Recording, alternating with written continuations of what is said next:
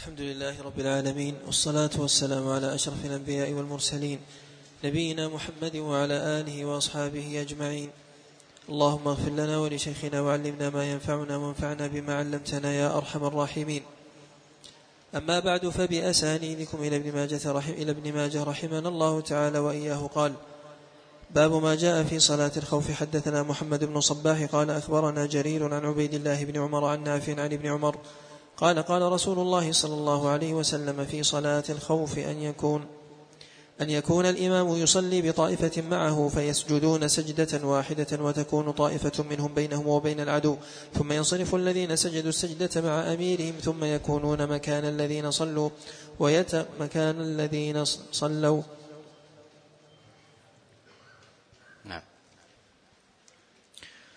فالسجود سجدة واحدة وتكون طائفة بينهم وبين العدو ثم ينصرفون ثم ينصرف الذين سجدوا السجدة مع أميرهم ثم يكونون مكان الذين لم يصلوا ويتقدم الذين لم يصلوا فيصلوا مع أميرهم سجدة واحدة. ثم ينصرف أميرهم وقد صلى صلاته ويصلي كل واحد من الطائفتين بصلاته سجدة لنفسه. فإن كان خوف أشد من ذلك فرجالا وركب أو ركبانا. قال يعني بالسجدة الركعة. حدثنا محمد بن بشار قال حدثنا يحيى بن سعيد القطان قال حدثني يحيى بن سعيد الأنصاري عن القاسم بن محمد عن صالح بن خوات عن سهل بن أبي حثمة أنه قال في صلاة الخوف قال يقوم الإمام مستقبل القبلة وتقوم طائفة منهم معه وطائفة من قبل العدو وجوههم إلى الصف فيركع بهم ركعة ويركعون لأنفسهم ويسجدون لأنفسهم سجدتين في مكانهم. ثم يذهبون إلى مقام أولئك ويجيء أولئك فيركع بهم ركعة ويسجد بهم سجدتين فهي له ثنتان ولهم واحدة. ثم يركعون ركعة ويسجدون سجدتين. قال محمد بن بشار فسألت يحيى بن سعيد عن هذا الحديث فحدثني عن شعبة عبد الرحمن بن قاسم عن أبيه عن صالح بن خوات عن سهل بن أبي حثمة عن النبي صلى الله عليه وسلم بمثل حديث يحيى بن سعيد. قال قال لي يحيى اكتبه إلى جنبه ولست أحفظ الحديث ولكن مثل حديث يحيى.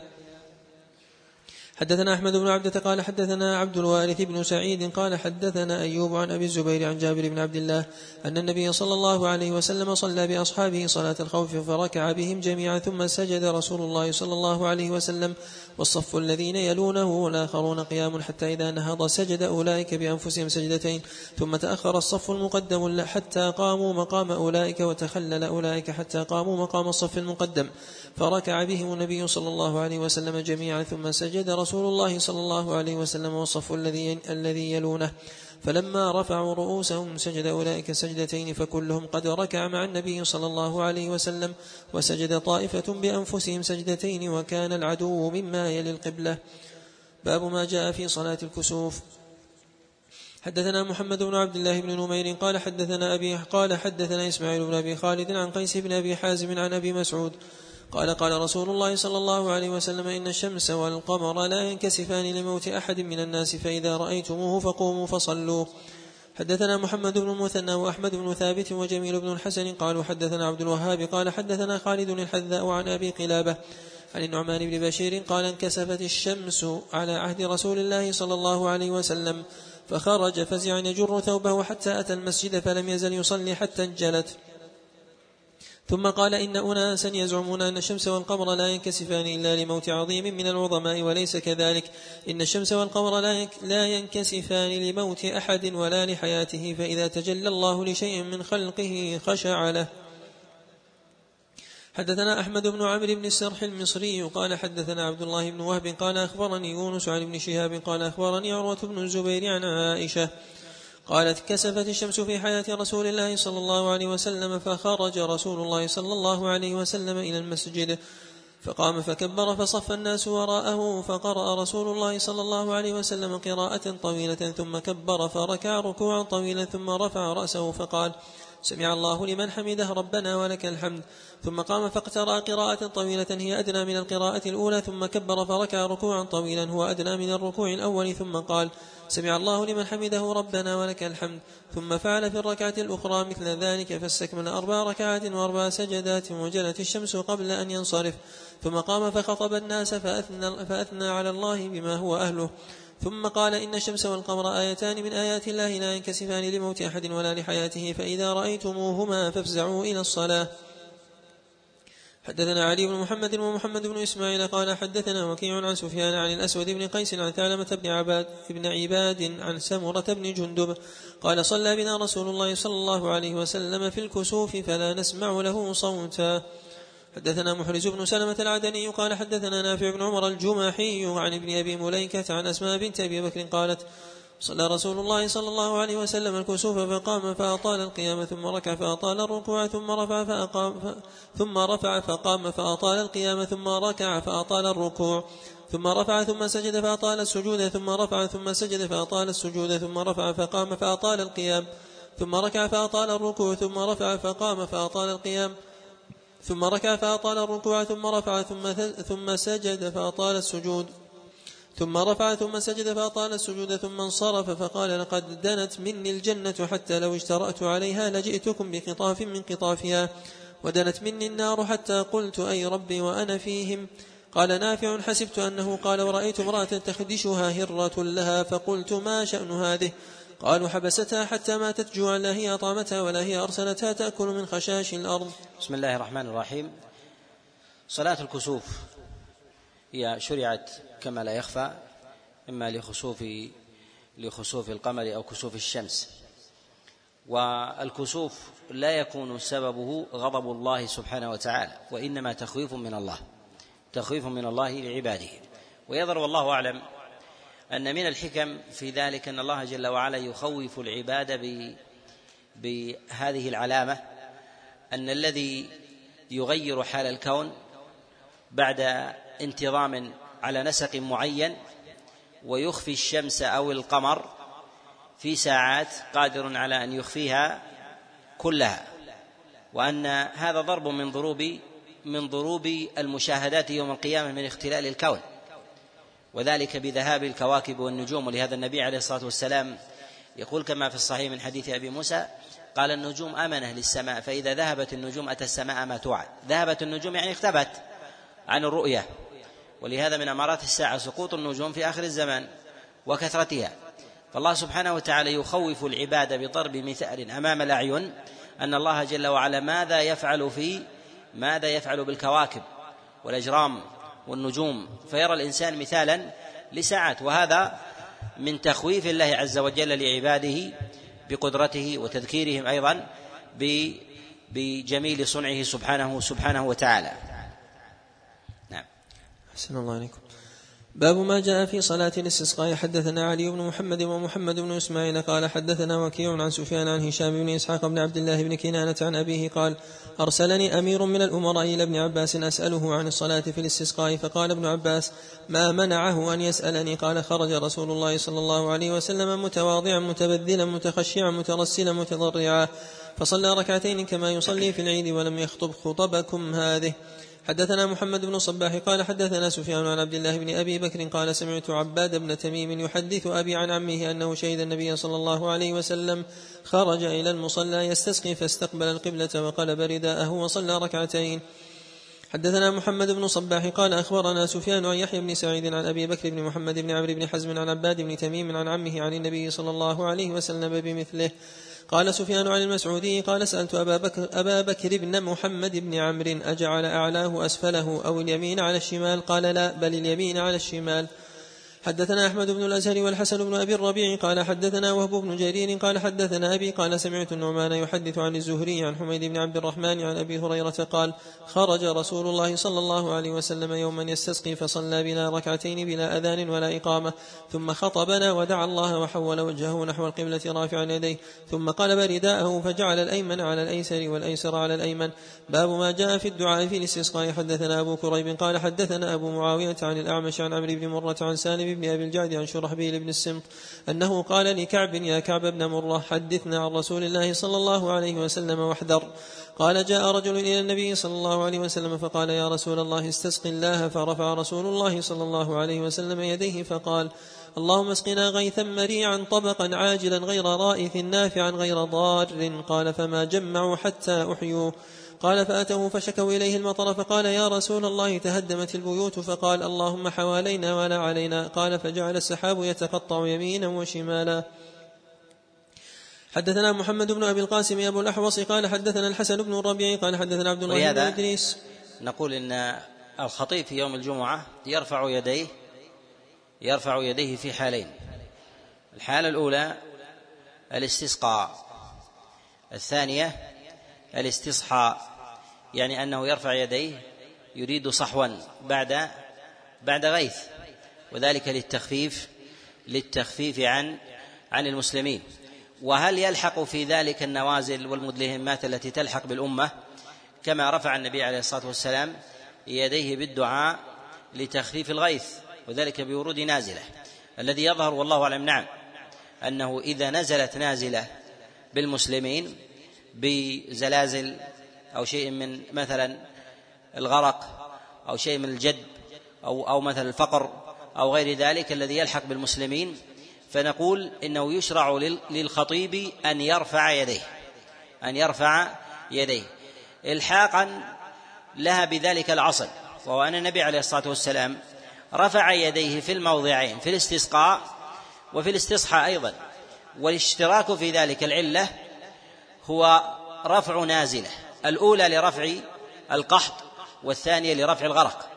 ويشتركان في ذلك ويشتركان بذلك بأنها بأنها نازلة. فكل نازلة يشرع لها رفع اليدين على الصحيح. نعم.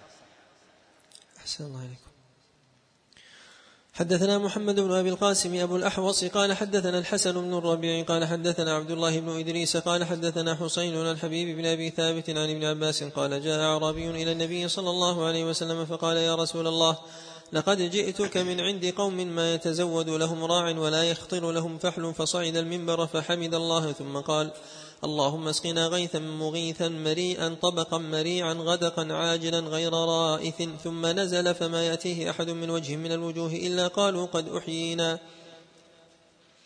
حدثنا أبو بكر بن أبي شيبة قال حدثنا عفان قال حدثنا معتمر عن أبيه عن بركة عن بشير بن نهيك عن أبي هريرة أن النبي صلى الله عليه وسلم استسقى حتى رأيت أو رؤي بياض إبطيه. قال معتبر أراه في الاستسقاء.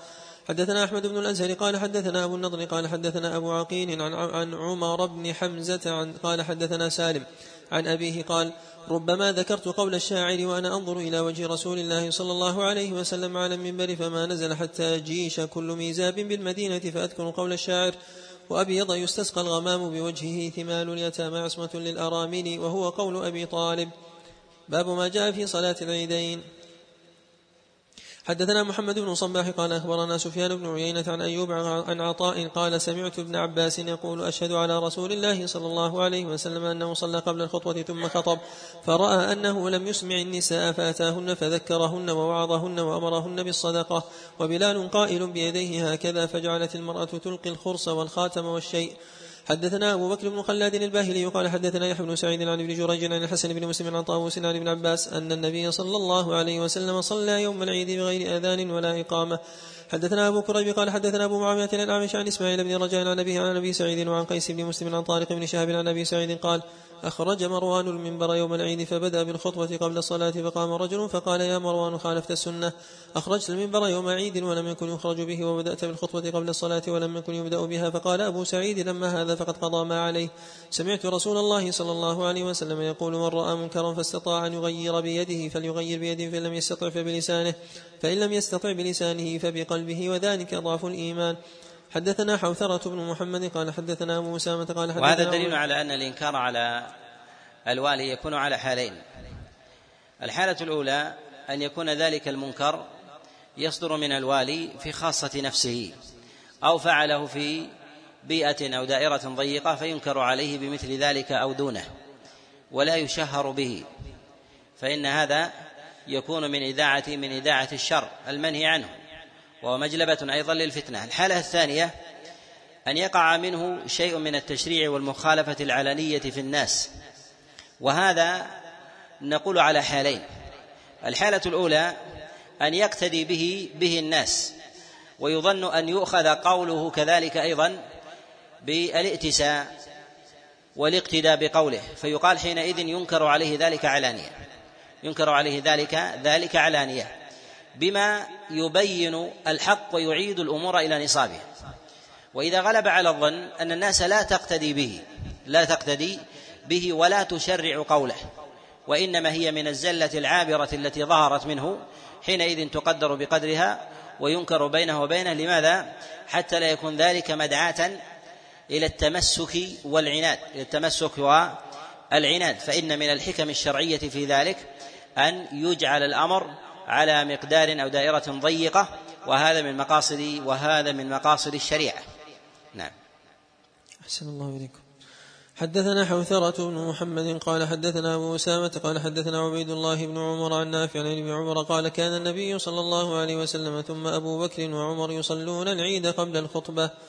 باب ما جاء في كم يكبر الإمام في صلاة العيدين. حدثنا هشام بن عمار قال حدثنا عبد الرحمن بن سعد بن عمار بن سعد مؤذن رسول الله صلى الله عليه وسلم قال حدثني أبي عن أبيه عن جده أن رسول الله صلى الله عليه ولا وسلم ولا خلاف عند الصحابة عليهم رضوان الله تعالى في ذلك أن الصلاة تكون قبل الخطبة ثم تكون بعد ذلك بعد ذلك الخطبة. ولا خلاف عند الصحابة عليهم رضوان الله تعالى في هذه المسألة.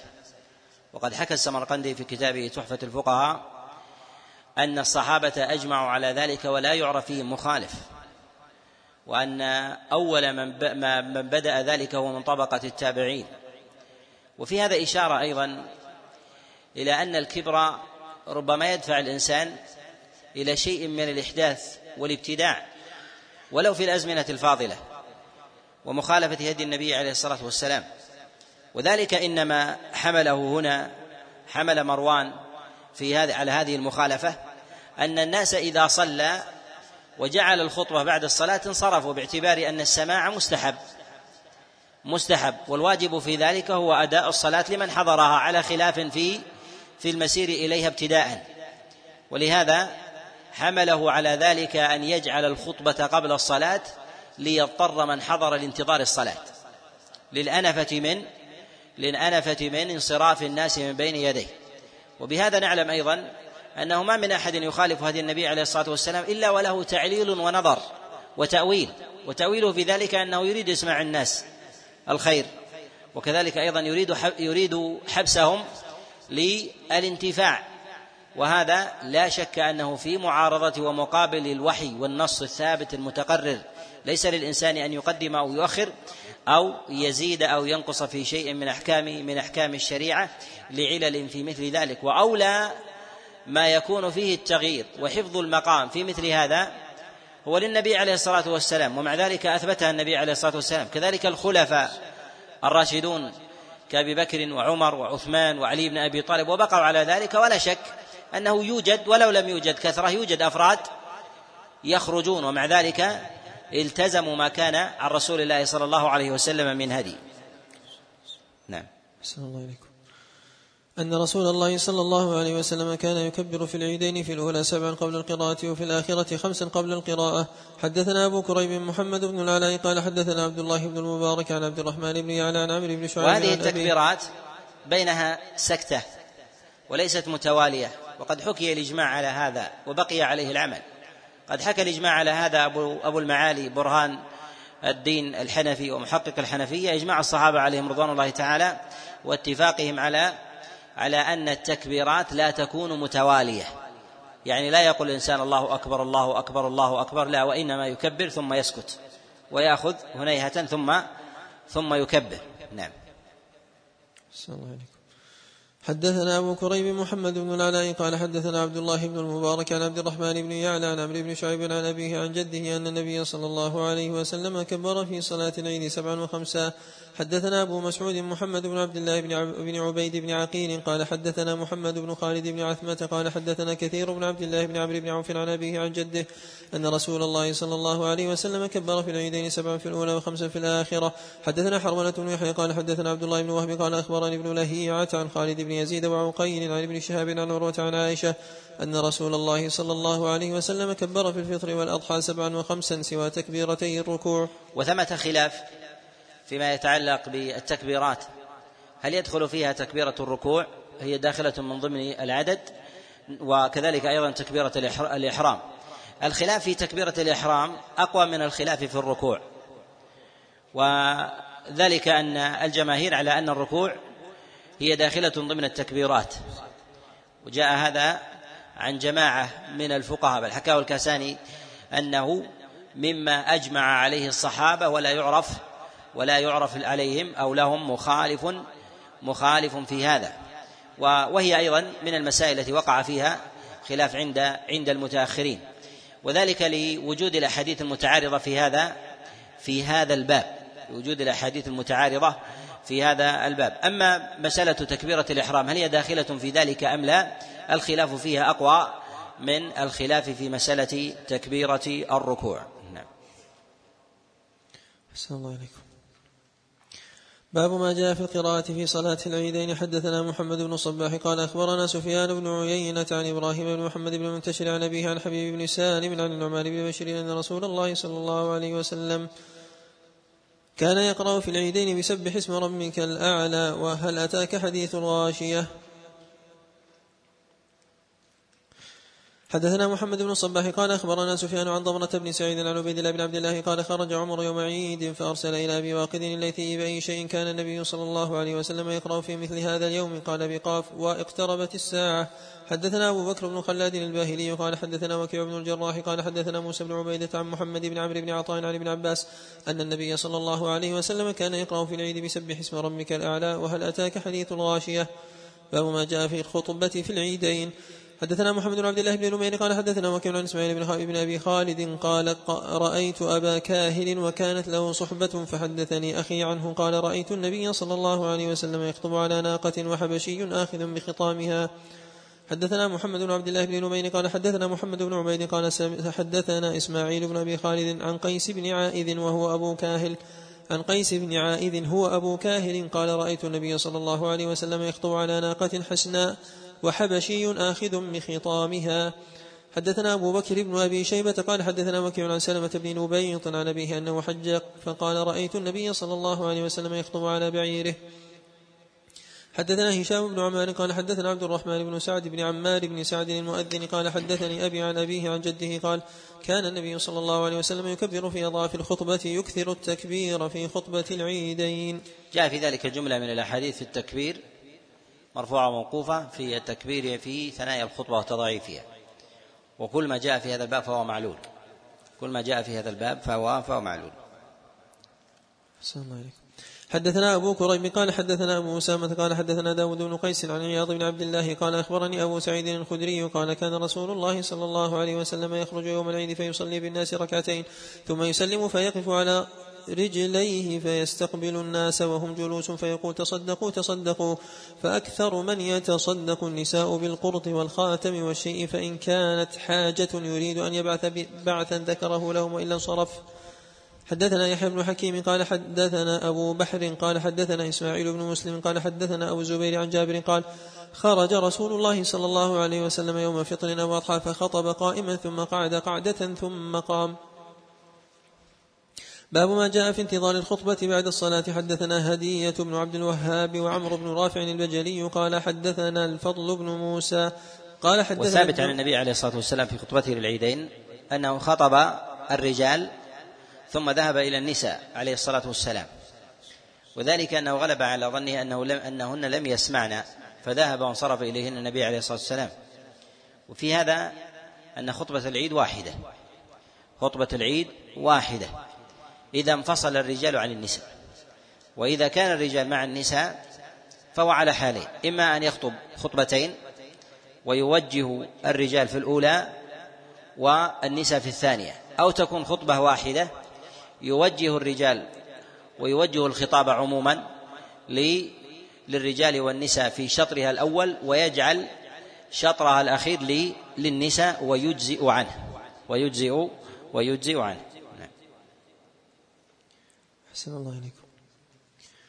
باب ما جاء في انتظار الخطبة بعد الصلاة. حدثنا هدية بن عبد الوهاب وعمرو بن رافع البجلي. قال حدثنا الفضل بن موسى. قال حدثنا ابن جريج عن عطاء عبد الله بن السائب قال حضرت العيد مع رسول الله صلى الله عليه وسلم فصلى بنا العيد. ثم قال قد قضينا الصلاة فمن أحب أن يجلس للخطبة فليجلس ومن أحب أن يذهب فليذهب. باب ما جاء في الصلاة قبل صلاة العيد وبعدها. حدثنا محمد بن بشار. قال حدثنا يحيى بن سعيد. قال حدثنا شعبة. قال حدثني عدي بن ثابت عن سعيد بن جبير. عن ابن عباس أن رسول الله صلى الله عليه وسلم خرج فصلى بهم العيد لم يصل قبلها ولا بعدها. حدثنا علي بن محمد قال حدثنا وكيع قال حدثنا عبد الله بن عبد الرحمن الطائفي عن عمرو بن شعيب عن أبيه عن جده أن النبي صلى الله عليه وسلم لم يصل قبلها ولا بعدها في عيد. حدثنا محمد بن يحيى قال حدثنا الهيثم بن جميل قال حدثنا عبيد الله بن عمرو الرقي قال حدثنا عبد الله بن محمد بن عقيل عن عطاء بن يسار عن أبي سعيد الخدري قال كان رسول الله صلى الله عليه وسلم لا يصلي قبل العيد شيئا فإذا رجع إلى منزله صلى ركعتين باب ما جاء في الخروج إلى العيد ماشي حدثنا هشام بن عمار قال حدثنا عبد الرحمن بن سعد بن عمار بن سعد قال حدثني أبي عن أبيه عن جده أن النبي صلى الله عليه وسلم كان يخرج إلى العيد ماشيا ويرجع ماشيا. حدثنا محمد بن الصباح قال أخبرنا عبد الرحمن بن عبد الله العمري عن أبيه وعبيد الله عن نافع عن ابن عمر قال كان رسول الله صلى الله عليه وسلم يخرج إلى العيد ماشيا ويرجع ماشيا. حدثنا يحيى بن حكيم قال حدثنا أبو داود قال حدثنا زهير عن أبي إسحاق عن الحارث عن علي قال إن من السنة أن يمشي إلى العيد. حدثنا محمد بن صباح قال حدثنا عبد العزيز بن الخطاب قال حدثنا مندل عن محمد بن عبيد الله بن أبي رافع عن أبيه عن جده أن رسول الله صلى الله عليه وسلم كان يأتي العيد ماشيا. باب ما جاء في الخروج يوم العيد من طريق والرجوع من غيره. حدثنا محمد حدثنا هشام بن عمار قال حدثنا عبد الرحمن بن سعد بن عمار بن سعد قال أخبرني أبي عن أبيه عن جده أن النبي صلى الله عليه وسلم كان إذا خرج إلى العيدين سلك على داري سعيد بن أبي العاص ثم على أصحاب الفساطيط ثم انصرف إلى الطريق الأخرى طريق بني زريق ثم يخرج إلى دار عمار بن ياسر وهي دار عمار بن ياسر ودار أبي هريرة إلى البلاط. حدثنا يحيى بن حكيم قال حدثنا أبو قتيبة قال حدثنا عبد الله بن عمر عن نافع عن ابن عمر أنه كان يخرج إلى العيد في طريق ويرجع في أخرى ويزعم أن رسول الله صلى الله عليه وسلم كان يفعل ذلك. حدثنا أحمد بن الأزهر قال حدثنا عبد العزيز بن الخطاب قال حدثنا مندل عن محمد بن عبيد الله بن أبي رافع عن أبيه عن جده أن النبي صلى الله عليه وسلم كان يأتي العيد ماشيا ويرجع في غير الطريق الذي ابتدأ فيه. حدثنا محمد بن حميد قال حدثنا أبو تميلة عن فليح بن سليمان عن سعيد بن أبي عن سعيد بن الحارث الزرقي. عن أبي هريرة أن النبي صلى الله عليه وسلم كان إذا خرج إلى العيد رجع في غير الطريق الذي أخذ فيه.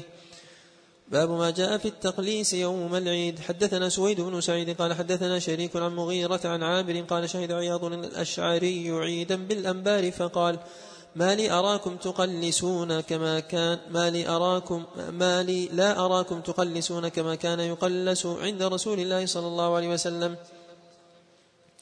حدثنا محمد بن يحيى قال حدثنا أبو نعيم عن إسرائيل عن أبي إسحاق عن عامر عن قيس بن سعد قال ما كان شيء على عهد رسول الله صلى الله عليه وسلم إلا وقد رأيته إلا شيء واحد فإن رسول الله صلى الله عليه وسلم كان يقلس له يوم الفطر.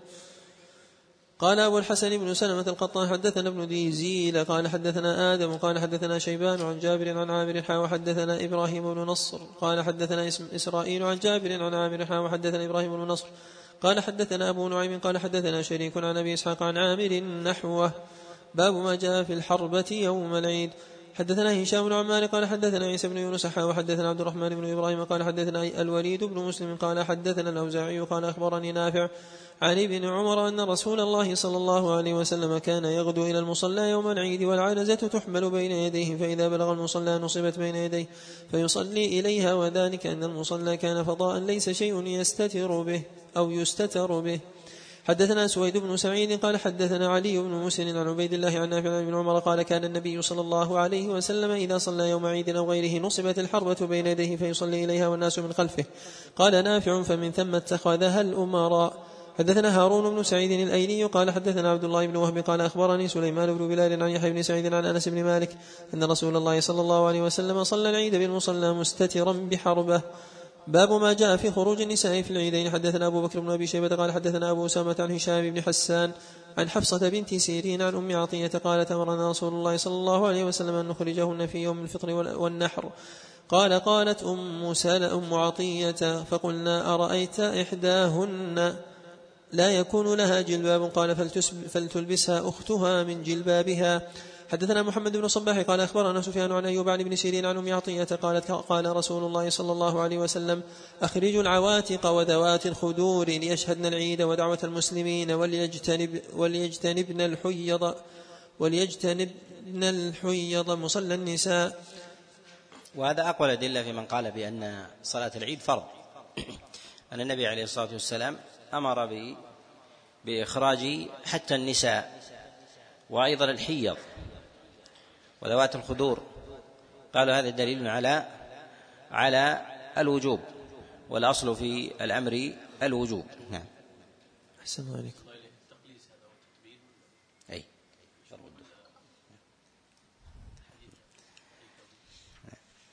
ضرب الدف في الأعياد للنساء. ضربا وسماعا جائز. وللرجال جائز سماعا. في الأعياد وما في حكمها من أعراس ونحو ذلك. هذا في الدف. لا لا في الطبل. ويسمى الكوبة. يسمى يسمى الكوبة. نعم. وليجتنبن الحيض مصلى الناس. حدثنا عبد الله بن سعيد قال حدثنا حفص بن غياث قال حدثنا حجاج بن أرطاء عن عبد الرحمن بن عابس عن ابن عباس أن النبي صلى الله عليه وسلم كان يخرج بناته ونساءه في العيدين. باب إذا استمع العيدان في يوم. حدثنا نصر بن علي الجهضمي قال حدثنا وإنما كان التفريق بين الدف والطبل. أن الطبل هو الذي يسمى الكوبة المغلق من جهتين. جاء النهي عنه من حديث عكرمة عن عبد الله بن عباس. جاء مرفوعا وموقوفا. أنه نهى عن الكوبة. قال ما الكوبة؟ قال الطبل. وأما الدف فجاء ضربه للجواري. تضربه النساء وتسمعه أيضا. وأما الرجال فيسمعونه. وأما الرجال فيسمعونه. إذا وجد ضارب فيسمعه الرجل في المناسبات. أحسن الله عليكم. باب إذا اجتمع العيدان في يوم حدثنا نصر بن علي الجهضمي قال حدثنا أبو أحمد قال حدثنا إسرائيل عن عثمان بن المغيرة عن ياس بن أبي رملة الشامي قال سمعت رجلا سأل زيد بن أرقم هل شهدت مع رسول الله صلى الله عليه وسلم عيدين في يوم قال نعم قال فكيف كان يصنع قال صلى العيد ثم رخص في الجمعة ثم قال من شاء أن يصلي فليصل حدثنا محمد بن مصفى الحمصي قال حدثنا بقية قال حدثنا شعبة قال حدثني مغيرة الضبي عن عبد العزيز بن رفيع عن أبي صالح عن ابن عباس عن رسول الله صلى الله عليه وسلم أنه قال اجتمع عيدان في يومكم هذا فمن شاء أجزأه من الجمعة وإنا مجمعون إن شاء الله حدثنا محمد بن يحيى قال حدثنا يزيد بن عبد ربي قال حدثنا بقية قال حدثنا شعبة عن مغيرة الضبي عن عبد العزيز بن رفيع عن أبي صالح عن أبي هريرة عن النبي صلى الله عليه وسلم نحوه. حدثنا جبارة بن المغلس قال حدثنا من دل بن علي عن عبد العزيز بن عمر عن نافع عن ابن عمر قال اجتمع عيدان على عهد رسول الله صلى الله عليه وسلم فصلى بالناس ثم قال من شاء أن يأتي الجمعة فليأتها ومن شاء أن يتخفف فليتخ أن يتخلف فليتخلف. باب ما جاء في صلاة العيد في المسجد إذا كان مطر. حدثنا العباس بن عثمان الدمشقي قال حدثنا الوليد بن مسلم قال حدثنا عيسى بن عبد الله بن أبي فروة قال سمعت أبا يحيى عبيد الله التيمي يحدث عن أبي هريرة قال أصاب الناس مطر في يوم عيد على عهد رسول الله صلى الله عليه وسلم فصلى بهم في المسجد. باب ما جاء في لبس السلاح في يوم عيد. حدثنا عبد القدوس بن محمد قال حدثنا نائل بن نجيح قال حدثنا إسماعيل بن زياد عن ابن جريج عن عطاء عن ابن عباس أن النبي صلى الله عليه وسلم نهى أن يلبس السلاح في بلاد الإسلام في العيدين إلا أن يكونوا بحضرة العدو. باب ما جاء في الاغتسال في العيدين. حدثنا جبارة بن المغلس قال حدثنا حجاج بن تميم عن ميمون بن مهران عن ابن عباس قال كان رسول الله صلى الله عليه وسلم يغتسل يوم الفطر ويوم الأضحى. حدثنا نصر بن علي الجهضمي قال حدثنا يوسف بن خالد قال حدثنا أبو جعفر الخطمي عن عبد الرحمن بن عقبة بن الفاكه بن سعد عن جده الفاكه بن سعد وكانت له صحبة أن رسول الله صلى الله عليه وسلم كان يغتسل يوم الفطر ويوم النحر ويوم عرفة وكان الفاكه يأمر أهله بالغسل في هذه الأيام. باب في وقت صلاة العيدين. حدثنا عبد الوهاب بن الضحاك قال حدثنا إسماعيل بن عياش قال حدثنا صفوان بن عمرو عن يزيد بن خمير عن عبد الله بن مسلم أنه خرج مع الناس يوم فطر أو أضحى. أنه خرج مع الناس يوم فطر أو أضحى فأنكر إبطاء الإمام وقال إن كنا لقد فرغنا ساعتنا هذه وذلك حين التسبيح باب ما جاء في صلاة الليل ركعتين. حدثنا أحمد بن عبدة قال أخبرنا حماد بن زيد عن أنس بن سيرين عن ابن عمر قال كان رسول الله صلى الله عليه وسلم يصلي من الليل مثنى مثنى.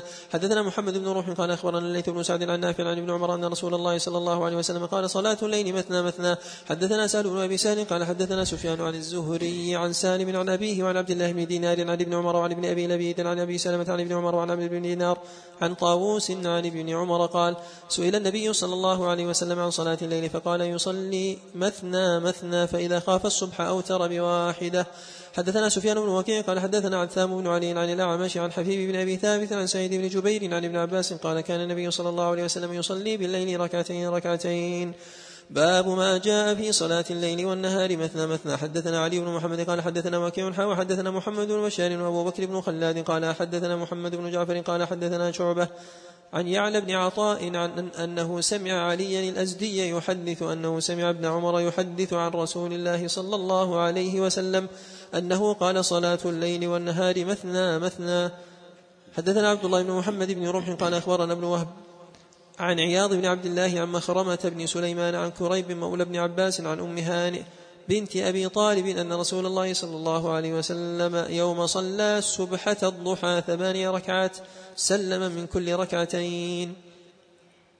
حدثنا هارون بن إسحاق الهمداني قال حدثنا محمد بن فضيل عن أبي سفيان السعدي عن أبي نضرة عن أبي سعيد عن النبي صلى الله عليه وسلم أنه وجعل قال صلاة النبي عليه الصلاة والسلام في فتح مكة أنها صلاة الضحى. هذا تفسير من بعض الفقهاء وليس حديثا ثابتا عن أم هاني عن رسول الله صلى الله عليه وسلم. منهم من يجعلها صلاة فتح وتكون كصلاة الشكر. ومنهم من يجعل من يجعل هذه الصلاة هي صلاة هي صلاة الضحى باعتبار أن النبي عليه الصلاة والسلام صلاها في مثل هذا في مثل هذا الوقت إلا أنه لا دليل يثبت لا عن النبي عليه الصلاة والسلام ولا عن أم هاني ولا عن أحد من الصحابة أنها كانت صلاة صلاة ضحى صلاة الفتح؟ نعم. صلاة الضحى ولا صلاة الفتح يا شيخ؟ إنها كانت صلاة الفتح؟ ومنهم من يقول إنها صلاة فتح وشكر ومنهم من يقول إنها صلاة صلاة الضحى ولا يثبت ويثبت في تمييز ذلك شيء مرفوع عن النبي عليه الصلاة والسلام. نعم. أحسن الله عليكم. حدثنا هارون بن إسحاق الهمداني قال حدثنا محمد بن فضيل عن أبي سفيان السعدي عن أبي نضرة عن أبي سعيد عن النبي صلى الله عليه وسلم أنه قال في كل ركعتين تسليمة.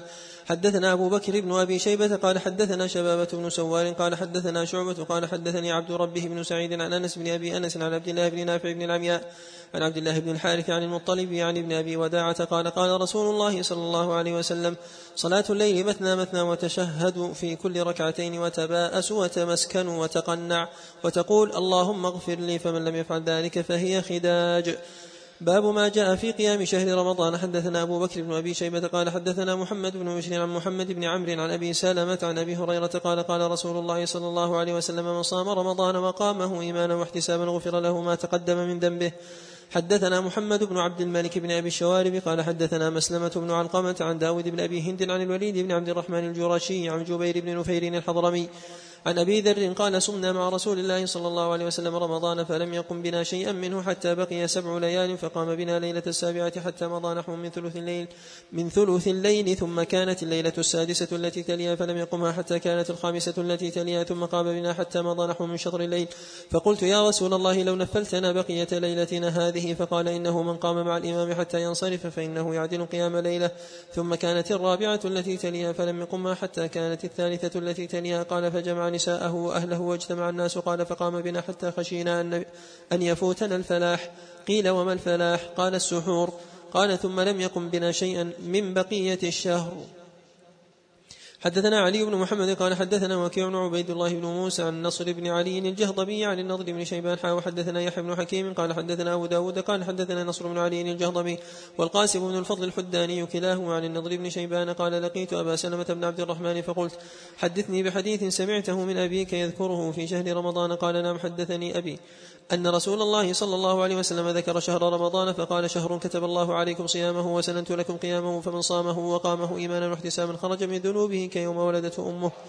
باب ما جاء في قيام الليل. حدثنا أبو بكر بن أبي شيبة قال حدثنا أبو معاوية عن الأعمش عن أبي صالح عن أبي هريرة قال قال رسول الله صلى الله عليه وسلم على قافية رأس أحدكم بالليل حبل فيه ثلاث عقد فإن استيقظ فذكر الله انحلت عقدة فإذا قام فتوضأ انحلت عقدة فإذا قام إلى الصلاة انحلت عقده كلها فيصبح نشيطا طيب النفس قد أصاب خيرا وإن لم يفعل أصبح كسلا خبيث النفس لم يصب خيرا. حدثنا محمد بن الصباح قال أخبرنا جرير عن منصور عن أبي وائل عن عبد الله قال ذكر لرسول الله صلى الله عليه وسلم رجل نام ليلة حتى أصبح. قال ذاك الشيطان بال في أذنيه. حدثنا محمد بن الصباح قال أخبرنا الوليد بن مسلم عن الأوزاعي عن يحيى بن أبي كثير عن أبي سلمة عن عبد الله بن عمرو قال قال رسول الله صلى الله عليه وسلم لا تكن مثل فلان كان يقوم الليل فترك قيام الليل. حدثنا زهير بن محمد والحسن بن محمد بن الصباح والعباس بن جعفر ومحمد بن عمرو الحدثاني قالوا حدثنا سنيد بن داود. قال حدثنا يوسف بن محمد بن المنكدر عن أبيه عن جابر بن عبد الله قال قال رسول الله صلى الله عليه وسلم قالت أم سليمان بن داود لسليمان يا بني لا تكثر النوم بالليل فإن كثرة النوم بالليل تترك الرجل, الرجل فقيرا يوم القيامة. حدثنا إسماعيل بن محمد الطلحي قال حدثنا ثابت بن موسى أبو يزيد عن شريك عن الأعمش عن أبي سفيان عن جابر قال قال رسول الله صلى الله عليه وسلم من كثرت صلاته بالليل حسن وجهه بالنهار. حدثنا محمد بن بشار قال حدثنا يحيى بن سعيد وابن أبي عدي وعبد الوهاب ومحمد بن جعفر عن عوف بن أبي جميلة عن زرارة بن أوف عن عبد الله بن سلام قال لما قدم رسول الله صلى الله عليه وسلم المدينة انجفن الناس إليه وقيل قدم رسول الله صلى الله عليه وسلم فجئت في الناس لأنظر إليه فلما استبنت وجه رسول الله صلى الله عليه وسلم عرفت أن وجهه ليس بوجه كذاب. فكان أول شيء تكلم به أن قال يا أيها الناس أفشوا السلام وأطعموا الطعام وصلوا بالليل والناس نيام تدخلوا الجنة بسلام.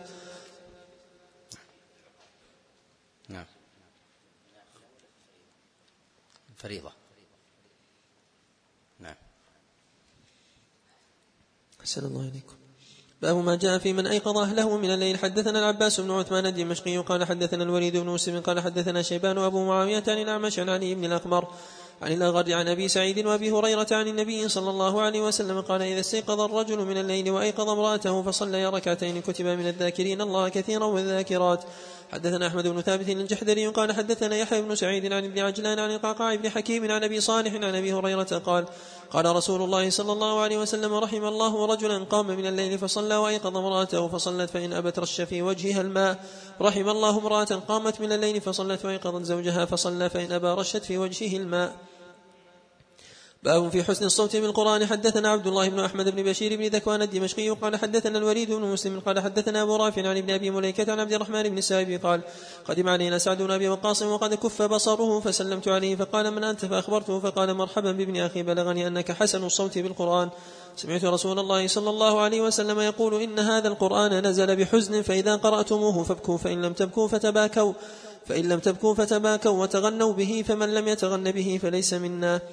حدثنا العباس بن عثمان الدمشقي قال حدثنا الوليد بن مسلم قال حدثنا حنظلة بن أبي سفيان أنه سمع عبد الرحمن بن سابط الجمحي يحدث عن عائشة زوج النبي صلى الله عليه وسلم قالت أبطأت على عهد رسول الله صلى الله عليه وسلم ليلة بعد العشاء ثم جئت فقال أين كنت؟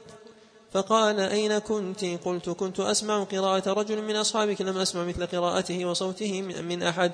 قال فقام وقمت معه حتى استمع, حتى استمع له ثم التفت إلي فقال هذا سالم مولى أبي حذيفة الحمد لله الذي جعل في أمتي مثل هذا. حدثنا بشر بن معاذ الضرير قال حدثنا عبد الله بن جعفر المدني قال حدثنا إبراهيم بن إسماعيل بن مجمع عن أبي الزبير عن جابر قال قال رسول الله صلى الله عليه وسلم إن من أحسن الناس صوتا بالقرآن الذي إذا سمعتموه يقرأ حسبتموه يخشى الله. حدثنا راشد بن سعيد الرملي قال حدثنا الوليد بن مسلم قال حدثنا الأوزاعي قال حدثنا إسماعيل بن عبيد الله عن ميسرة مولى فضالة. عن فضالة بن عبيد قال قراءة القرآن في التحزين أفضل من التطريب. التطريب منهي عنه. وأما التغني فهو فهو مستحب وأفضل منه التحزين. إذا كان لا يخل بحروف القرآن وكذلك أيضا بمخارجه. نعم. أحسن الله إليكم. عن فضالة بن عبيد قال قال رسول الله صلى الله عليه وسلم الله أشد أذنا إلى الرجل الحسن الصوت بالقرآن يجهر به من صاحب القينة إلى قينته. حدثنا محمد بن يحيى قال حدثنا يزيد بن هارون قال أخبرنا محمد بن عمرو عن أبي سلمة عن أبي هريرة قال دخل رسول الله صلى الله عليه وسلم المسجد فسمع قراءة رجل فقال من هذا؟ فقيل هذا عبد الله بن قيس. فقال لقد أوتي هذا من مزامير آل داود. حدثنا محمد بن بشار قال حدثنا يحيى بن سعيد ومحمد بن جعفر قال حدثنا شعبة قال سمعت طلحة اليامي قال سمعت عبد الرحمن بن عبسجة قال سمعت البراء بن عازب يحدث قال قال رسول الله صلى الله عليه وسلم زينوا القرآن بأصواتكم باب ما جاء في من نام عن حزبه من الليل حدثنا أحمد بن عمرو بن سرح المصري قال حدثنا عبد الله بن وهب قال أخبرنا يونس بن يزيد عن ابن شهاب أن سعيد بن يزيد وعبيد الله بن عبد الله أخبره عن عبد الرحمن بن عبد القاري قال سمعت عمر بن الخطاب يقول قال رسول الله صلى الله عليه وسلم من نام عن حزبه أو عن شيء منه فقرأه فيما بين صلاة الفجر وصلاة الظهر كتب له كتب له كأنما قرأه من الليل حدثنا هارون بن عبد الله الحمال قال حدثنا الحسين بن علي الجعفي عن زائدة عن سليمان الأعمش عن حبيب بن أبي ثابت عن عبدة بن أبي لبابة عن سويد بن غفلة عن أبي الدرداء يبلغ به النبي صلى الله عليه وسلم قال من أتى فراشه وهو ينوي أن يقوم فيصلي وهو ينوي أن يقوم فيصلي من الليل فغلبت عينه حتى يصبح. كتب له ما نوى وكان نومه صدقة عليه من ربه. باب ما جاء في كم يستحب أن يخ... باب ما جاء في كم يستحب يختم القرآن. حدثنا أبو بكر بن حدثنا أبو بكر بن أبي شيبة قال حدثنا أبو خالد الأحمر عن عبد الله بن عبد الرحمن بن يعلى الطائفي عن عثمان بن عبد الله بن أوس عن جده أوس بن حذيفة قال قدمنا على رسول الله صلى الله عليه وسلم في وفد ثقيف فنزلوا الأحلاف على المغيرة بن شعبة. وأنزل رسول الله صلى الله عليه وسلم بني مالك في قبة له فكان يأتينا كل ليلة بعد العشاء فيحدثنا قائما على رجليه حتى يراوح بين رجليه وأكثر ما يحدثنا ما لقي من قومه من قريش ويقول ولا سواء كنا مستضعفين مستذلين فلما خرجنا إلى المدينة إلى المدينة كانت سجال الحرب بيننا وبينهم ندال عليهم ويدالون علينا. فلما كان ذات ليلة أبطأ عن الوقت الذي كان يأتينا فيه فقلت يا رسول الله لقد أبطأت علينا الليلة. قال إنه طرأ علي حزبي من القرآن فكرهت أن أخرج حتى أتمه. قال أوس فسألت أصحاب رسول الله صلى الله عليه وسلم كيف تحزبون القرآن؟ قالوا ثلاث وخمس وسبع وتسع وإحدى عشرة وثلاث عشرة وحزب مفصل. حدثنا أبو بكر بن خلاد الباهلي وقال حدثنا يحيى بن سعيد عن ابن جريج عن أبي مليكة عن يحيى بن حكيم بن صفوان عن عبد الله بن عمرو قال جمعت القرآن فقرأته كله في ليلة. فقال رسول الله صلى الله عليه وسلم إني أخشى أن يطول عليك الزمان وأن تمل فاقرأه في شهر فقلت دعني أستمتع من قوتي وشبابي. قال فقرأه في عشر. قال فاقرأه في عشر قلت دعني أستمتع من قوتي وشبابي قال فقرأه في سبع قلت دعني أستمتع من قوتي وشبابي فأبى. حدثنا محمد بن بشار قال حدثنا محمد بن جعفر قال حدثنا شعبة وحدثنا أبو بكر بن خلاد قال حدثنا خالد بن الحارث قال حدثنا في قوله عليه الصلاة والسلام في هذه القاعدة النفسية في قوله إني أخشى أن يطول عليك الزمان وأن تمل أن الإنسان لا ينظر إلى نشاطه الآن ولكن ينظر إلى إلى دوامه. النشاط يكون عارض. والدوام هو الذي ينظر إليه إلى الأمر المتوسط منه. ولهذا جاء النبي عليه الصلاة والسلام أحب العمل إلى الله أدومه. ولهذا أو ما داوم عليه صاحبه. فينبغي للإنسان أن يحرص على الدوام وألا ينظر إلى نشاطه العارض فيستكثر حتى ينقطع. وذلك أنه من تلبيس إبليس على بعض المقبلين على أبواب الخير من العمل أو القول من العلم أو غيره أن يفسح المجال لنفوسهم حتى يصلوا إلى أعلى مراتب العمل في ابتداء النشاط. حتى يتخيل ويتصور الإنسان ألا قرين معه وإنما أطلقه القرين لينقطع لأنه يريد به أن ينقطع. ولهذا ينبغي الإنسان أن يسوس نفسه لا أن يدع الشيطان يسوسها وهذا وهذا أمر في سائر الأعمال وكذلك في سائر الطاعات سواء كان من العلم أو كان من العمل. حدثنا محمد بن بشار قال حدثنا محمد بن جعفر قال حدثنا شعبة حا وحدثنا أبو بكر بن خلاد قال حدثنا خالد بن حارث قال حدثنا شعبة عن قتادة عن يزيد بن عبد الله عن يزيد بن عبد الله بن الشخير عن عبد الله بن عمرو أن رسول الله صلى الله عليه وسلم قال لم يفقه من قرأ القرآن في أقل من ثلاث. حدثنا أبو بكر بن أبي شيبة قال حدثنا محمد بن بشير قال حدثنا سعيد بن أبي عروبة قال حدثنا قتادة عن زرارة بن أوفى. جاء عن بعض الصحابة أنهم قرأوا القرآن في ليلة. كما روي عن عثمان وعن تميم وجاء أيضا عن بعض التابعين. ولكن يظهر هذا أنه عارض أنه أمر عارض لا دائم. والأمور العارضة يسوغ فيها ما لا يسوغ في ما لا يسوغ في الدوام. وذلك أن الإنسان مهما أوتي من المعرفة بالتأويل والمعرفة أيضا بالمعاني والنصوص إذا قرأ القرآن كله في ليلة أو قرأه وداوم على ذلك يوما فإنه لا يمكن أن يستوعب ما فيه من أحكام. ولهذا نقول إن الإنسان إذا قرأ القرآن وأقام الحدود وفهم المعاني ولو أبطأ وتأخر شريطة ألا يجاوز في ذلك أقصى الحد من الشهر إلى الأربعين. أفضل ممن دونه مع قصور الفهم. ويستثنى من ذلك الأزمنة الفاضلة وذلك كرمضان وعشر ذي الحجة وأمثالها أن يكثر الإنسان من قراءة القرآن. وهذه لها لها أحوالها. نعم. الله إليكم.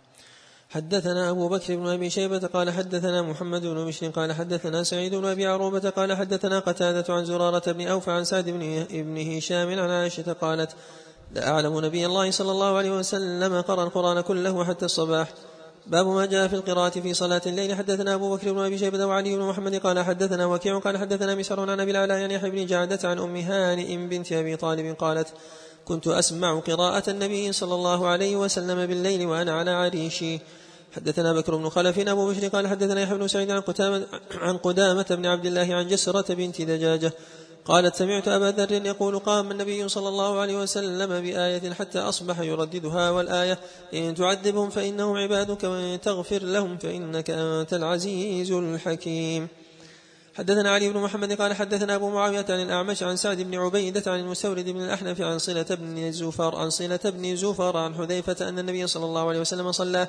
فكان إذا مر بآية رحمة سأل وإذا مر بآية عذاب استجار وإذا مر بآية فيها تنزيه لله سبح.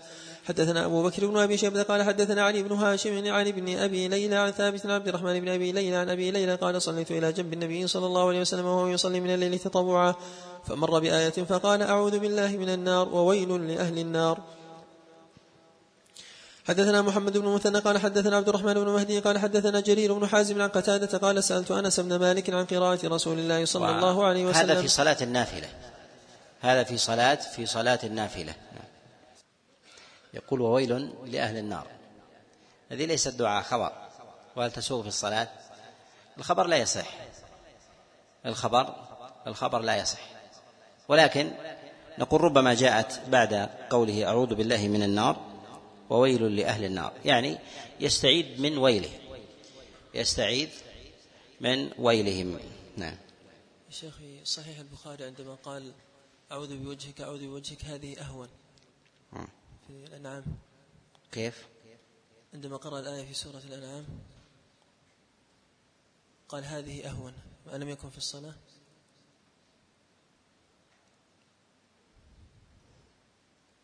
أو يلبسكم شيئا ويذيق بعضكم بأس بعض قال هذه أهون. ما يبدو لي أنها في الصلاة. أنها قالها بعد الصلاة. هذا أحد التأويلات. والله أعلم. نعم. أحسن الله إليكم. حدثنا محمد بن مثنى قال حدثنا عبد الرحمن بن مهدي قال حدثنا جرير بن حازم عن قتادة قال سألت أنس بن مالك عن قراءة رسول الله صلى الله عليه وسلم فقال كان يمد صوته مدا. حدثنا أبو بكر بن أبي شيبة قال حدثنا إسماعيل بن علية عن برد بن سنان عن عبادة بن نسي عن غضيف بن الحارث قال أتيت عائشة فقلت أكان رسول الله صلى الله عليه وسلم يجهر بالقرآن أو يخافت به؟ قالت ربما جهر وربما خافت. قلت الله أكبر الحمد لله الذي جعل في هذا الأمر سعة.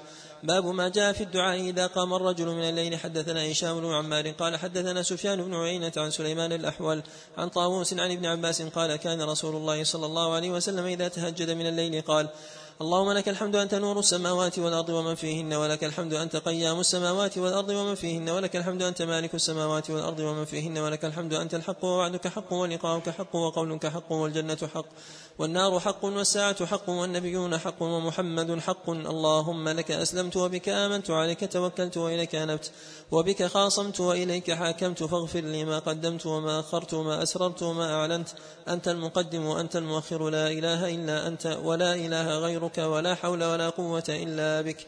حدثنا أبو بكر بن خلاد الباهلي قال حدثنا سفيان بن عيينة قال حدثنا سليمان بن أبي مسلم الأحول قالوا قالوا ابن أبي نجيح أنه سمع طاووسا عن ابن عباس قال كان رسول الله صلى الله عليه وسلم إذا قام من الليل للتهجد فذكر نحوه.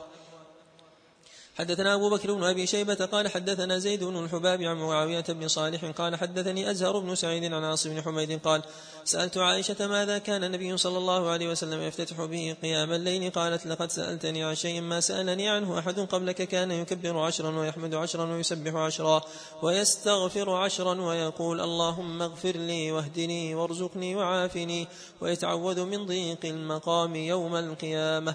حدثنا عبد الرحمن بن عمر قال حدثنا عمر بن يونس اليمامي قال حدثنا كلمة بن عمار قال حدثنا يحيى بن أبي كثير عن أبي سلمة بن عبد الرحمن قال سألت عائشة بما كان يستفتح النبي صلى الله عليه وسلم صلاته إذا قام من الليل قالت كان يقول اللهم رب جبرائيل وميكائيل وإسرافيل فاطر السماوات والأرض عالم الغيب والشهادة أنت تحكم بين عبادك فيما كانوا فيه يختلفون. اهدني لما اختلف فيه من الحق بإذنك إنك لا تهدي إلى صراط مستقيم. قال عبد الرحمن بن عمر احفظوه جبرائيل مهموزة فإنه كذا عن النبي صلى الله عليه وسلم. باب ما جاء في كم يصلي بالليل. حدثنا أبو بكر بن أبي شيبة قال حدثنا شبابة عن ابن أبي ذئب عن الزهري عن عروة عن عائشة وحدثنا عبد الرحمن بن إبراهيم الدمشقي قال حدثنا الوليد قال حدثنا الأوزاعي عن الزهري عن عروة عن عائشة وهذا حديث أبي بكر قالت كان النبي صلى الله عليه وسلم يصلي ما بين أن يفرغ من صلاة العشاء إلى الفجر إحدى عشرة ركعة يسلم في كل اثنتين ويوتر بواحدة ويسجد فيهن سجدة بقدر ما يقرأ أحدكم خمسين آية قبل أن يرفع رأسه فإذا سكت المؤذن من الأذان الأول من صلاة الصبح قام فركع ركعتين خفيفتين. حدثنا أبو بكر بن أبي شيبة قال حدثنا عبدة بن سليمان عن هشام بن عروة عن أبيه عن عائشة قالت كان النبي صلى الله عليه وسلم يصلي من الليل ثلاث عشرة ركعة. حدثنا هناد بن سري قال حدثنا أبو الأحوص عن الأعمش عن إبراهيم عن الأسود عن عائشة أن النبي صلى الله عليه وسلم كان يصلي من الليل تسع ركعات. حدثنا محمد بن عبيد بن ميمون أبو عبيد المديني قال حدثنا أبي عن محمد بن جعفر عن موسى بن عقبة عن أبي إسحاق عن عامر الشعبي قال سألت عبد الله بن عباس وعبد الله بن عمر عن صلاة رسول الله صلى الله عليه وسلم بالليل فقال ثلاث عشرة ركعة منها ثمان ويوتر بثلاث وركعتين بعد الفجر.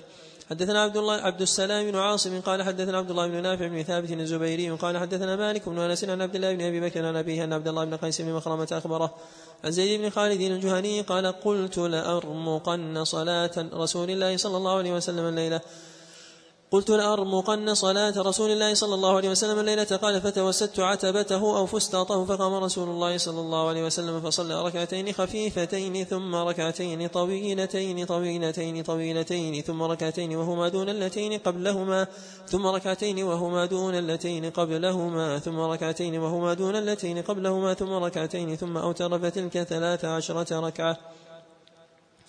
حدثنا أبو بكر بن خلاد الباهلي وقال حدثنا معن بن عيسى قال حدثنا مالك بن أنس عن مخرمة بن سليمان عن كريب مولى ابن عباس عن ابن عباس أنه أخبره أنه نام عند ميمونة زوج النبي صلى الله عليه وسلم وهي خالته قال فاضطجعت في عرض الوسادة واضطجع رسول الله صلى الله عليه وسلم وأهله في طولها فنام النبي صلى الله عليه وسلم حتى إذا انتصف الليل أو قبله بقليل أو بعده بقليل استيقظ النبي صلى الله عليه وسلم فجعل يمسح النوم عن وجهه بيده ثم قرأ الآيات من آخر سورة آل عمران ثم قام إلى شن معلقة فتوضأ منها فأحسن وضوءه ثم قام يصلي. قال عبد الله بن عباس فقمت فصنعت مثل ما صنع فذهبت فقمت إلى جنبه فوضع رسول الله صلى الله عليه وسلم يده اليمنى على رأسه وأخذ أذن اليمنى يفتلها فصلى ركعتين.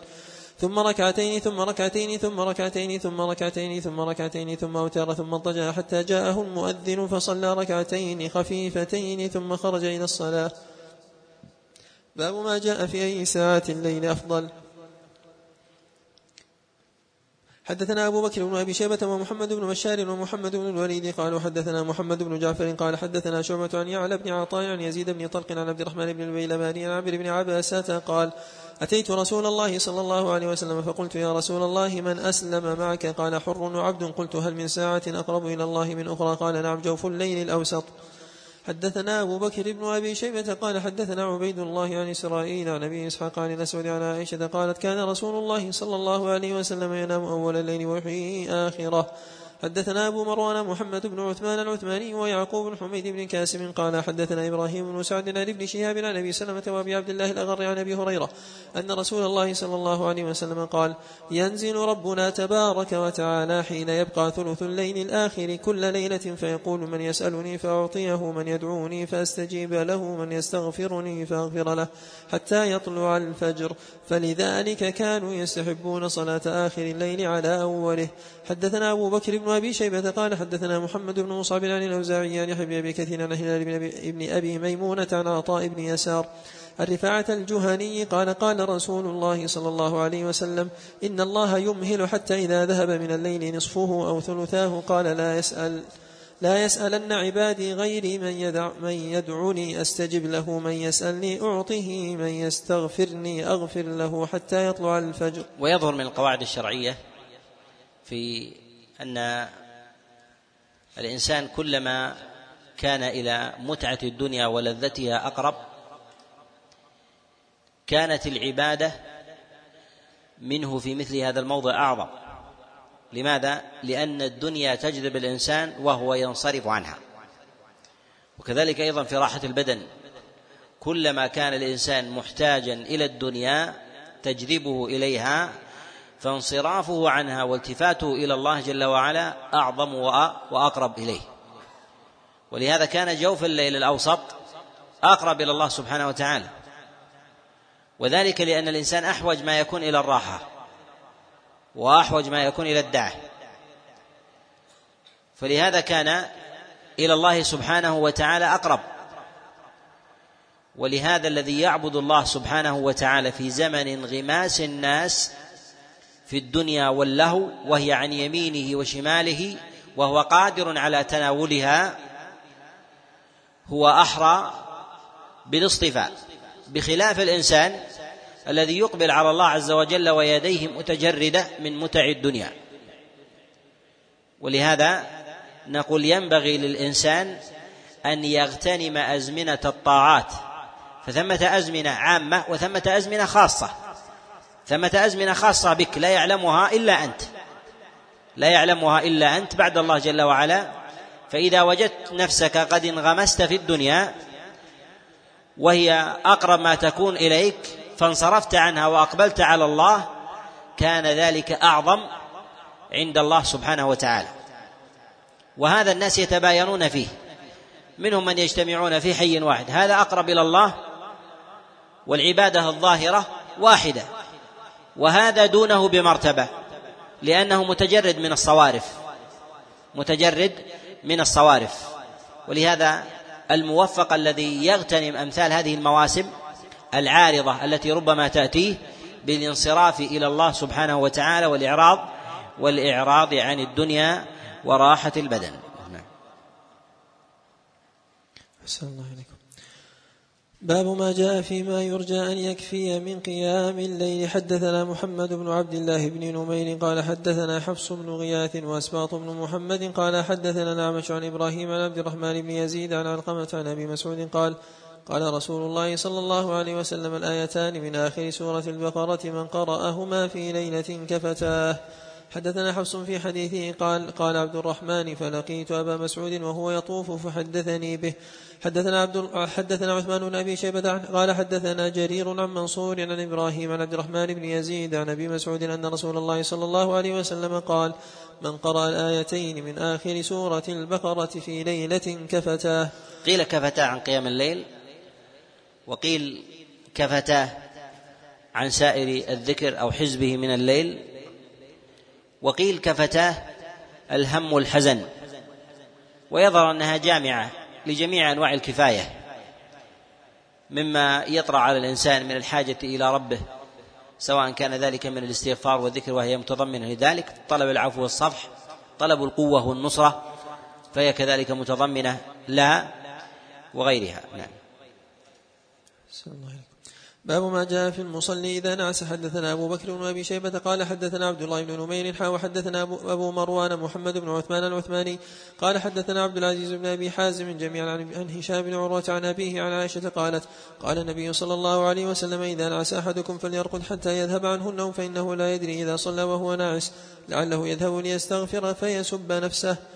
حدثنا عمران بن موسى الليثي قال حدثنا عبد الوارث بن سعيد عن عبد العزيز بن صهيب وليس المراد بذلك أن الله جل وعلا يستجيب من عبده ما يدعو به على نفسه. ولكن الله سبحانه وتعالى يؤاخذ الإنسان بما يكون بقلبه ولكن الشريعة الشريعة تتشوف إلى موافقة الباطن والظاهر. كذلك أيضا لا يليق بالمؤمن أن يتكلم بكلام مع ربه وهو لا يدرك معناه. ولهذا لا نقول إن النبي صلى الله عليه وسلم إنما نهى عن ذلك خشية أن يدعو الإنسان على نفسه فيستجيب الله جل وعلا له ذلك الدعاء. ليس المراد هذا. ولكن المراد أنه لا يليق بالإنسان أن يكون في ظاهره في صورة دعاء وهو وهو يهذو بشيء لا يدرك معناه سواء من السب أو من الكلام غير المفهوم. حتى يتوافق ظاهره مع باطنه من جهة من جهة العبادة. نعم.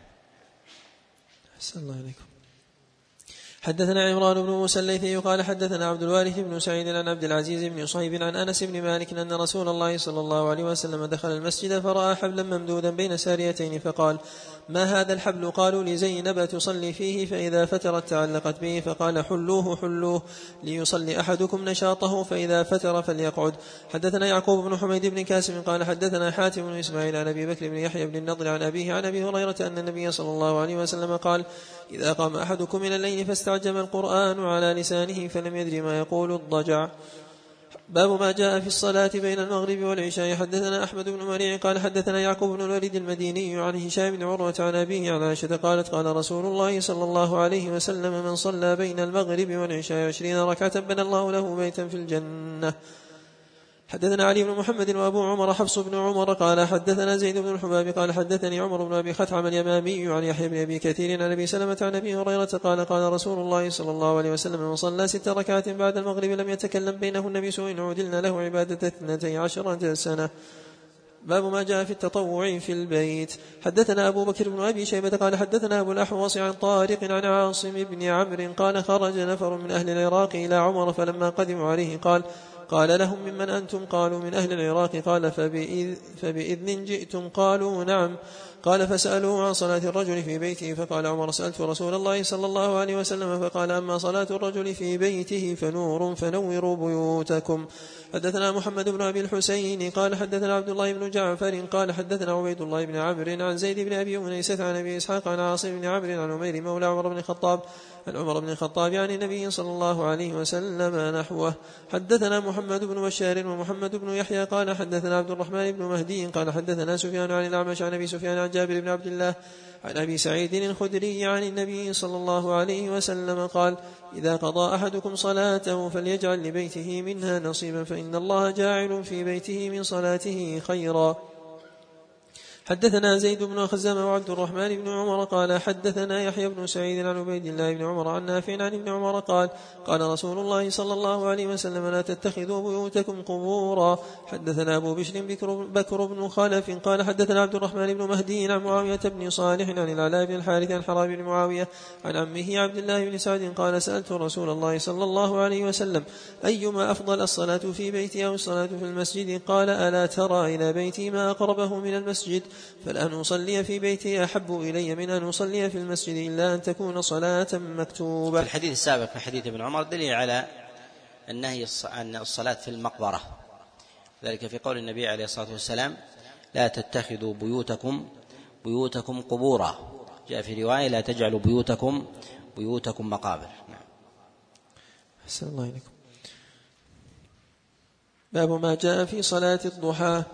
حدثنا أبو بكر بن أبي شيبة قال حدثنا سفيان بن عيينة عن يزيد بن أبي زياد عن عبد الله بن الحارث قال سألت في زمن عثمان بن عفان والناس متوافرون أو متوافون عن صلاة الضحى فلم أجد أحدا يخبرني أنه صلاها يعني النبي صلى الله عليه وسلم غير أم هانئ فأخبرتني أنه صلى ثمان ركعات.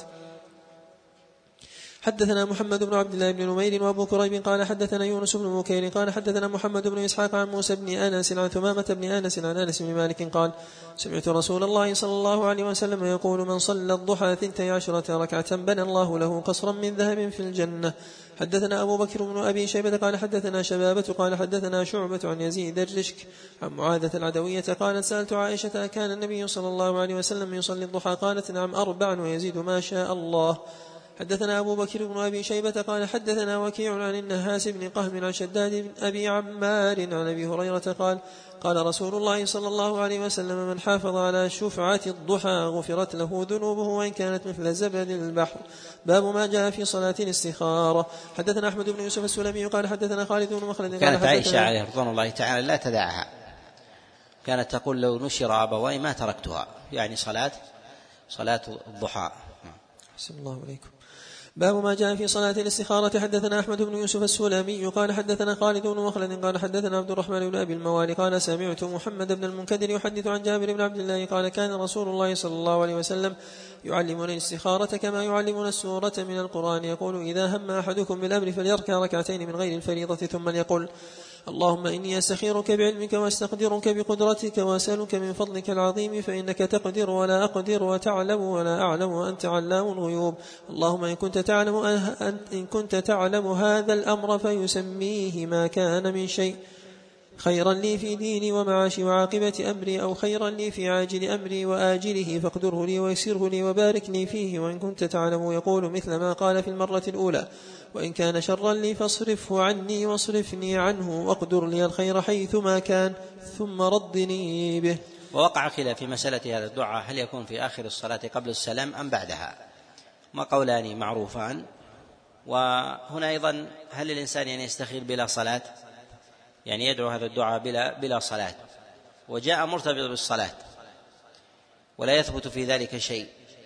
ولكن لو دعا الإنسان من الأمور التي تكون عجلة وربما لا يتسع وقت الإنسان لأداء صلاة في أمرها.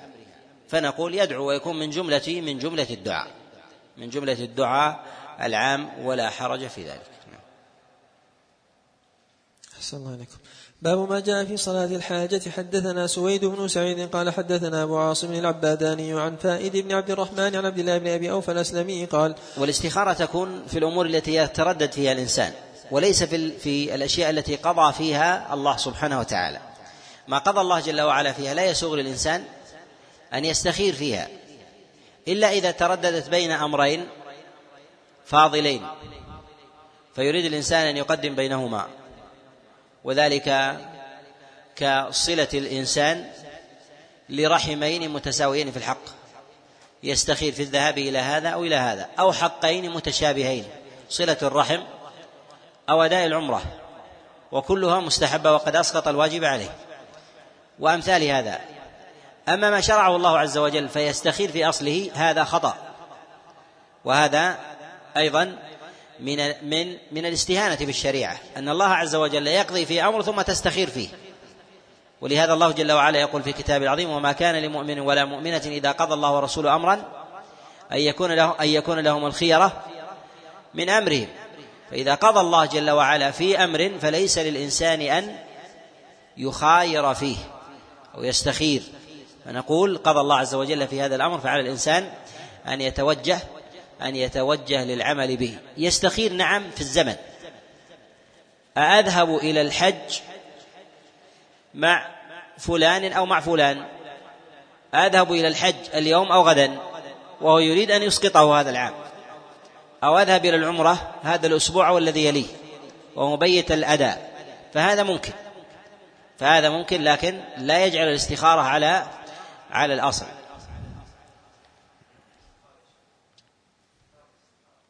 نعم. يقول تكرار الاستخارة. نقول مرة واحدة كافية. يستخير الإنسان مرة واحدة كافية. وما يقدره الله عز وجل للإنسان خير. وعلى الإنسان أن يأخذ بالرضا والتسليم في ذلك والقناعة أن الله عز وجل لن يختار له إلا إلا الأمر الخير. نعم. الله عليكم باب ما جاء في صلاة الحاجة.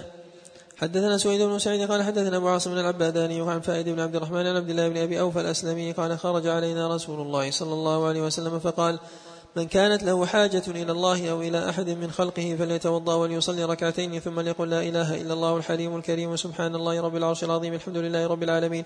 اللهم إني أسألك موجبات رحمتك وعزائم مغفرتك والغنيمة من كل بر والسلامة من كل إثم. أسألك أن لا تدع لي ذنبا إلا غفرته ولا هما إلا فرجته ولا حاجة هي لك رضا إلا قضيتها لي. ثم يسأل من أمر الدنيا والآخرة ما شاء الله فإنه يقدر. حدثنا أحمد بن منصور بن سيار قال حدثنا عثمان بن عمر قال حدثنا شعبة عن أبي جعفر المدني عن عمارة بن خزيمة بن ثابت عن عثمان بن حنيف أن رجلا ضرير البصر أتى النبي صلى الله عليه وسلم فقال ادعو الله لي أن يعافيني. فقال إن شئت أخرت لك وهو خير. وإن شئت دعوت. فقال ادعه. فأمره أن يتوضأ فيحسن وضوءه ويصلي ركعتين ويدعو بهذا الدعاء. اللهم إني أسألك وأتوجه إليك بمحمد النبي الرحمة يا محمد إني قد توجهت بك إلى ربي في حاجتي هذه لتقضى. اللهم شفعه في باب ما جاء في صلاة التسبيح. حدثنا موسى بن عبد الرحمن أبو عيسى المسروقي قال حدثنا زيد بن الحباب قال حدثنا موسى بن عبيدة قال حدثني سعيد بن أبي سعيد مولى أبي بكر بن عمرو بن حزم عن أبي رافع قال قال رسول الله صلى الله عليه وسلم للعباس يا عم ألا أحبوك ألا أحبوك ألا أنفع ألا أنفعك ألا أصلك؟ قال بلى يا رسول الله. قال فصل أربع ركعات تقرأ في كل ركعة بفاتحة الكتاب وسورة فإذا قضت القراءة فقل سبحان الله والحمد لله ولا إله إلا الله والله أكبر خمس عشرة مرة قبل أن تركع. ثم اركع فقلها عشرا ثم ارفع رأسك فقلها عشرا ثم اسجد فقلها عشرا ثم ارفع رأسك فقلها عشرا ثم اسجد فقلها عشرا ثم ارفع رأسك فقلها عشرا قبل أن تقوم. فتلك خمس وسبعون في كل ركعة وهي ثلاثمائة في أربع ركعات فلو كانت ذنوبك مثل رمل عالج غفرها الله لك. قال يا رسول الله من لم يس ومن لم يستطع أن يقولها في يوم قال قلها في جمعة فإن لم تستطع فقلها في شهر حتى قال فقلها في سنة. ولا يثبت في صلاة الحاجة خبر وكذلك أيضا في صلاة التسابيح. صلاة التسابيح أضعف من صلاة الحاجة. صلاة الحاجة أمثل. جاء في معناها بعض الأحاديث في صلاة الحاجة لكن من غير اسمها. بعضهم يلحقها بهذا بهذا المعنى وبعضهم يجعلها من الصلاة العامة. نعم. كما في حديث عتبان وغيره. نعم. أحسن الله عليكم حدثنا عبد الرحمن بن بشر بن الحكم النيسابوري قال حدثنا موسى بن عبد العزيز قال حدثنا الحكم الأبان عن كلمة عن ابن عباس قال قال رسول الله صلى الله عليه وسلم للعباس بن عبد المطلب يا عباس يا عماه ألا أعطيك ألا أمنحك ألا أعطيك ألا أمنحك ألا أحبوك. ألا أفعل لك عشر خصال إذا أنت فعلت ذلك إذا ألا أفعل لك عشر خصال إذا أنت فعلت ذلك. غفر الله لك ذنبك أوله وآخره وقديمه وحديثه وخطأه وعمده وصغيره وكبيره وسره وعلانيته. عشر خصال أن تصلي أربع ركعات تقرأ في كل ركعة بفاتحة الكتاب وسورة. فإذا فرغت من القراءة في أول ركعة قلت وأنت قائم سبحان الله والحمد لله ولا إله إلا الله والله أكبر خمس عشرة مرة ثم تركع فتقول وأنت راكع عشرة ثم ترفع رأسك من الركوع فتقولها فتقولها عشرا ثم تهوي ساجدا فتقولها وأنت ساجد عشرا ثم ترفع رأسك من السجود فتقولها عشرا ثم تسجد فتقولها عشرا ثم ترفع رأسك من السجود فتقولها عشرا فذلك خمسة وسبعون في كل ركعة تفعل في أربع ركعات إن استطعت أن تصليها في كل يوم مرة فافعل فإن لم تستطع ففي كل جمعة مرة فإن لم مرة فإن لم تفعل ففي كل شهر مرة فإن لم تفعل ففي عمرك مرة. باب ما جاء في في ليلة النصف من شعبان. حدثنا الحسن بن علي الخلال قال حدثنا عبد الرزاق قال أخبرنا ابن أبي سبرة عن إبراهيم بن محمد عن معاوية بن عبد الله بن جعفر عن أبيه عن علي بن أبي طالب قال قال رسول الله صلى الله عليه وسلم إذا كانت ليلة النصف من شعبان فقوموا ليلها وصوموا نهارها فإن الله ينزل فيها لغروب الشمس إلى السماء الدنيا فيقول ألا من مستغفر لي فأغفر له. ألا مسترزق فأرزقه ألا مبتلا فأعافيه ألا كذا ألا كذا حتى يطلع الفجر. حدثنا عبدة بن عبد الله الخزاعي ومحمد بن عبد الملك أبو بكر قال حدثنا يزيد بن هارون قال أخبرنا حجاج عن يحيى بن أبي كثير عن عروة عن عائشة قالت فقدت النبي صلى الله عليه وسلم ذات ليلة فخرجت أطلبه فإذا هو بالبقيع رافع رأسه إلى السماء فقال يا عائشة أكنت تخافين أن يحيف الله عليك ورسوله؟ قالت قد قلت وما بي ذلك ولكني ظننت أنك أتيت بعض نسائك فقال إن الله تعالى ينزل ليلة النصف من شعبان إلى السماء الدنيا فيغفر لأكثر من عدد شعر غنم كلب.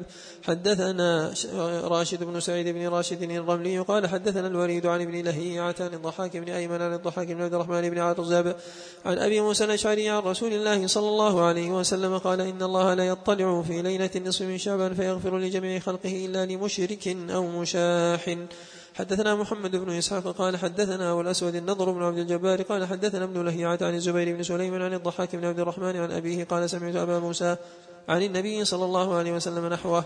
ولا يثبت في فضل النصف من شعبان خبر عن النبي عليه الصلاة والسلام وإنما هي أقوال لبعض التابعين أقوال لبعض لبعض التابعين وجاء أيضا عن بعض المتأخرين من فقهاء مكة.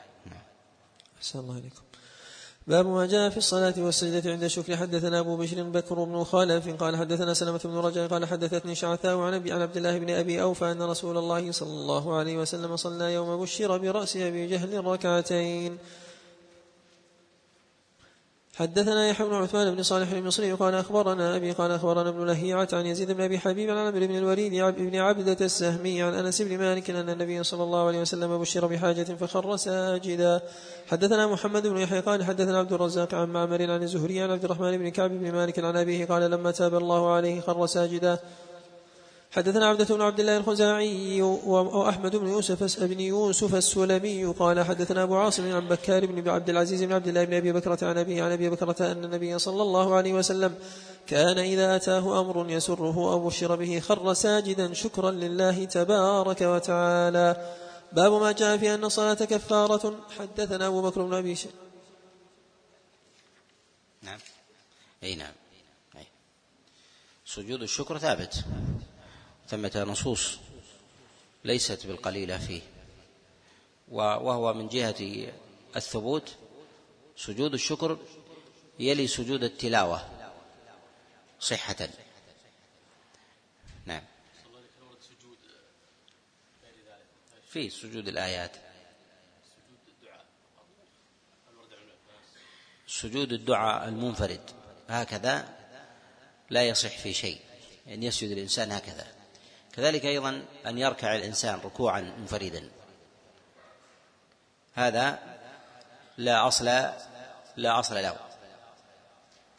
ولهذا نقول أيضا من المسائل المهمة أن الصلاة فيها قيام وركوع وسجود.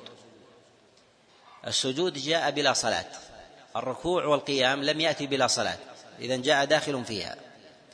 على هذا نقول إن من سجد لغير الله كفر.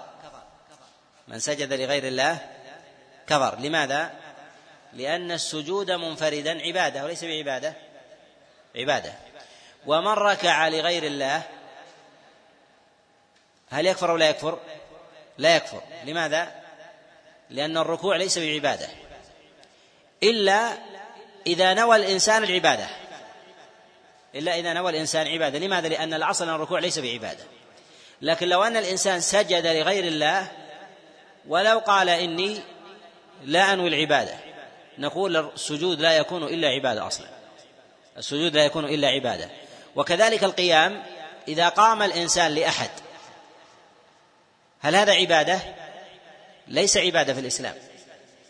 ولهذا نقول إن القيام والركوع ليس بعبادة منفردة وإنما هو عبادة في الصلاة. أما السجود فهو عبادة في الصلاة وفي خارجها. ويكفر من سجد لغير الله ظاهرا. ولا يكفر من ركع أو قام لغير الله. لماذا؟ لأن القيام والركوع ليس عبادة إلا في الصلاة ليس عبادة إلا في الصلاة. أما إذا نوى الإنسان العبادة نقول لو نوى الإنسان العبادة لو لم يركع فهو فهو كافر. فهو كافر بالله سبحانه وتعالى إذا قال أنا أعبد فلان. نقول لو لم تصلي أصلا أو لم تركع أو لم تقل فهذا فهذا كفر في ذاته. أما كفر العمل فلا يكفر بالركوع ولا يكفر بالقيام. نعم. الله عليكم باب ما جاء في أن الصلاة كفارة. حدثنا أبو بكر بن أبو بكر بن أبي شيبة ونصر بن علي قال حدثنا وهذا لا يعني جواز ذلك. وهذا لا يعني جواز ذلك أن الإنسان يركع باعتبار أن فيه نوع تعظيم. ويكفي أن النبي عليه الصلاة والسلام قد شدد في أمر القيام وهو أهون من الركوع. شدد في أمر القيام. ونهى النبي عليه الصلاة والسلام أن يحب الإنسان أن يقام له أو يمتثل الناس له قياما. ولكن نتكلم على مسألة الكفر وعدمه. نعم. نعم. لا هي ليست للجنازة. جاء التعليل في ذلك. النبي عليه الصلاة والسلام قال إن للموت لفزع. إن للموت لفزع. نعم. باب ما جاء في أن الصلاة كفارة. حدثنا أبو بكر بن أبي شيبة ونصر بن علي قال حدثنا وكيع قال حدثنا مسعر وسفيان عن عثمان بن المغيرة الثقفي عن علي بن ربيعة الوالبي عن أسماء بن الحكم الفزاري عن علي بن أبي طالب قال كنت إذا سمعت من رسول الله صلى الله عليه وسلم حديثا ينفعني الله بما شاء منه وإذا حدثني عنه غيره استحلفته فإذا حلف صدقته. وإن أبا بكر حدثني وصدق أبو بكر قال قال رسول الله صلى الله عليه وسلم ما من رجل يذنب ذنبا فيتوضأ فيحسن الوضوء ثم يصلي ركعتين وقال مسعر وقال مسعر ثم يصلي فيستغفر الله إلا غفر الله له. حدثنا محمد بن رمح قال أخبرنا الليث بن سعد عن أبي زبير عن سفيان بن عبد الله أظنه عن عاصم بن سفيان الثقفي أنهم غزوا غزوة السلاسل ففاتهم الغزو فرابطوا ثم رجعوا إلى معاوية وعندهم أبو أيوب وعقبة بن عامر فقال عاصم يا أبا أيوب فاتتنا الغزو فاتنا الغزو العام وقد أخبرنا أنه من صلى في المساجد الأربعة غفر له ذنبه. فقال يا ابن أخي أدلك على أيسر من ذلك؟ إني سمعت رسول الله صلى الله عليه وسلم يقول من توضأ كما أمر وصلى كما أمر غفر له ما تقدم من عمل أكذلك يا عقبة؟ قال نعم.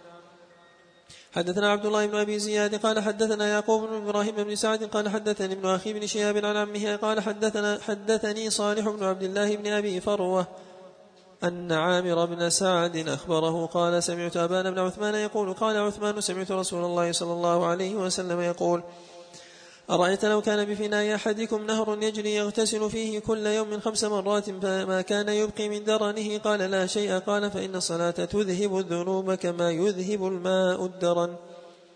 حدثنا سفيان بن وكيع قال حدثنا إسماعيل بن علية عن سليمان التيمي عن أبي عثمان النهدي عن عبد الله بن مسعود أن رجلا أصاب من امرأة يعني ما دون الفاحشة فلا أدري ما بلغ غير أنه دون الزنا.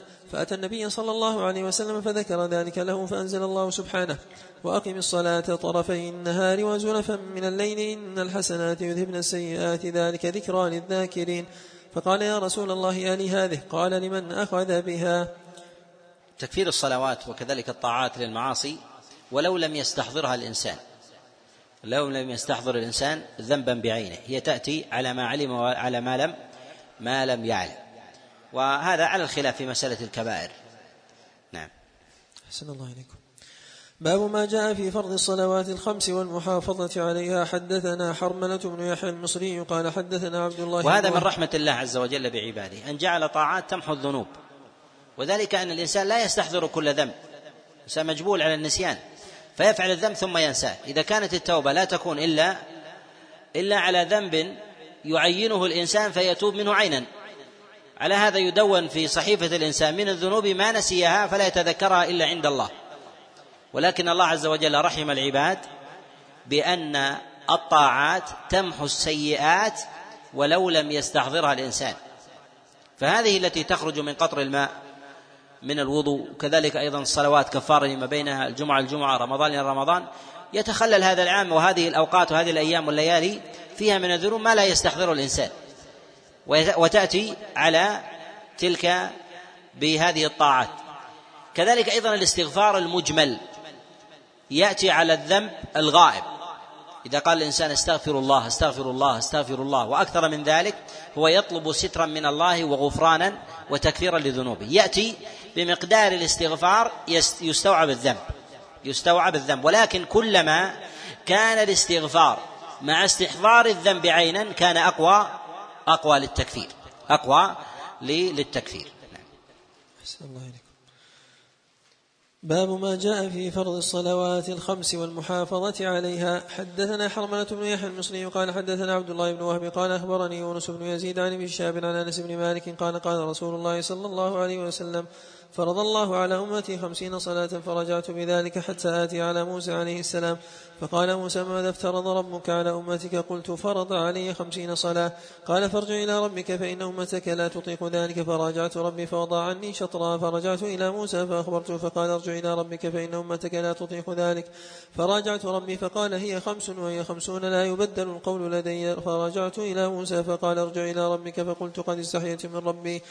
حدثنا أبو بكر بن أبو بكر بن خلاد وفي هذا في هذا استشارة الأعلى للأدنى وأخذ الأعلى برأي الأدنى مع منزلة رسول الله صلى الله عليه وسلم وسيد ولد آدم يأخذ برأي من دونه من إخوانه من الأنبياء وكذلك يستشيرهم وكذلك أيضا فيه جواز المراجعة في الأمر الواحد مرات فإذا راجع النبي ربه فيراجع الإنسان أخاه ويراجع الإنسان العالم ويراجع الحاكم مرة ومرتين وثلاث وأربع وغير ذلك ما ما أراد بذلك ما أراد بذلك خيرا. نعم. حدثنا أبو بكر بن خلاد الباهلي قال حدثنا أبو الوليد قال حدثنا شريك عن عبد الله بن عصم من أبي علوان عن ابن عباس قال أمر نبيكم بخمسين صلاة والذي يأنف ويتكبر من المراجعة من ملأ الله عز وجل قلبه كبرا. ولهذا النبي عليه الصلاة والسلام ربما يراجع في الأمر مرات ولا يأنف عليه الصلاة والسلام إلا إذا كان مراجعة في حد أو في حكم من أحكام الله سبحانه وتعالى. وكذلك النبي عليه الصلاة والسلام ربما راجع في بعض أصحابه المرة والمرتين وغير ذلك. نعم. أحسن الله عليكم حدثنا أبو بكر بن خلاد الباهلي قال حدثنا أبو الوليد قال حدثنا شريك عن عبد الله بن عصم أبي علو أبي علوان. عن عبد الله بن عصم أبي علوان عن ابن عباس قال أمر نبيكم بخمسين صلاة فنازل ربكم أن يجعلها خمس صلوات. حدثنا محمد بن قال حدثنا ابن أبي عدين عن شعبة عن عبد ربه بن سعيد عن محمد بن يحيى بن حبان عن ابن محيريز عن المخدج أو المخدجي. عن عبادة بن الصامت قال سمعت رسول الله صلى الله عليه وسلم يقول خمس صلوات افترضهن الله على عباده فمن جاء بهن لم ينتقص منهن شيئا استخفافا بحقهن. فإن الله جاعل له يوم القيامة عهدا أن يدخله الجنة ومن جاء بهن قد انتقص منهن شيئا استخفافا بحقهن.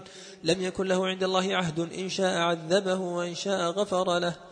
حدثنا عيسى بن حماد المصري قال أخبرنا الليث بن سعد عن سعيد المقبوري عن شريك بن عبد الله بن أبي نمير أنه سمع أنس بن مالك يقول بينما نحن جلوس في المسجد دخل رجل على جبل فاناخه في المسجد ثم قال ثم قال لهم أيكم محمد ورسول الله صلى الله عليه وسلم متكئ بين ظهرانيهم؟ قال فقالوا هذا الرجل الأبيض المتكئ فقال له الرجل يا ابن عبد المطلب فقال له النبي صلى الله عليه وسلم قد أجبتك فقال له الرجل يا محمد إني سائلك ومشتد عليك بالمسألة فلا تجدن علي في نفسك فقال سل ما بدا لك قال الرجل نشدتك بربك ورب, ورب نشدتك بربك ورب من قبلك آه الله أرسلك إلى الناس كلهم فقال رسول الله صلى الله عليه وسلم اللهم نعم. قال فأنشدوا فأنشدك الله. آه الله أمرك أن تصلي الصلوات الخمس في اليوم والليلة. قال رسول الله صلى الله عليه وسلم اللهم نعم. قال فأنشدك بالله. آه الله أمرك أن تصوم هذا الشهر من السنة. فقال رسول الله صلى الله عليه وسلم اللهم نعم. قال فأنشدك بالله. آه الله أمرك أن تأخذ هذه الصدقة من أغنيائنا فتقسمها على فقرائنا. فقال رسول الله صلى الله عليه وسلم اللهم نعم. فقال الرجل آمنت بما جئت به وأنا رسول من ورائي من قومي وأنا ضمام المثالبة أخو بني سعد بن بكر. في هذا أن تواضع النبي عليه الصلاة والسلام وجلوسه سواء مع أصحابه ولهذا لم يعرف النبي عليه الصلاة والسلام مميزا بجلسة فقال أيكم محمد؟ يعني لا يدري فقيل هذا الرجل الأبيض المتكئ. كذلك أيضا فإنه ناداه باسمه ولم يسدل عليه لقبا. فقال أيكم محمد وما قال أيكم رسول الله صلى الله عليه وسلم.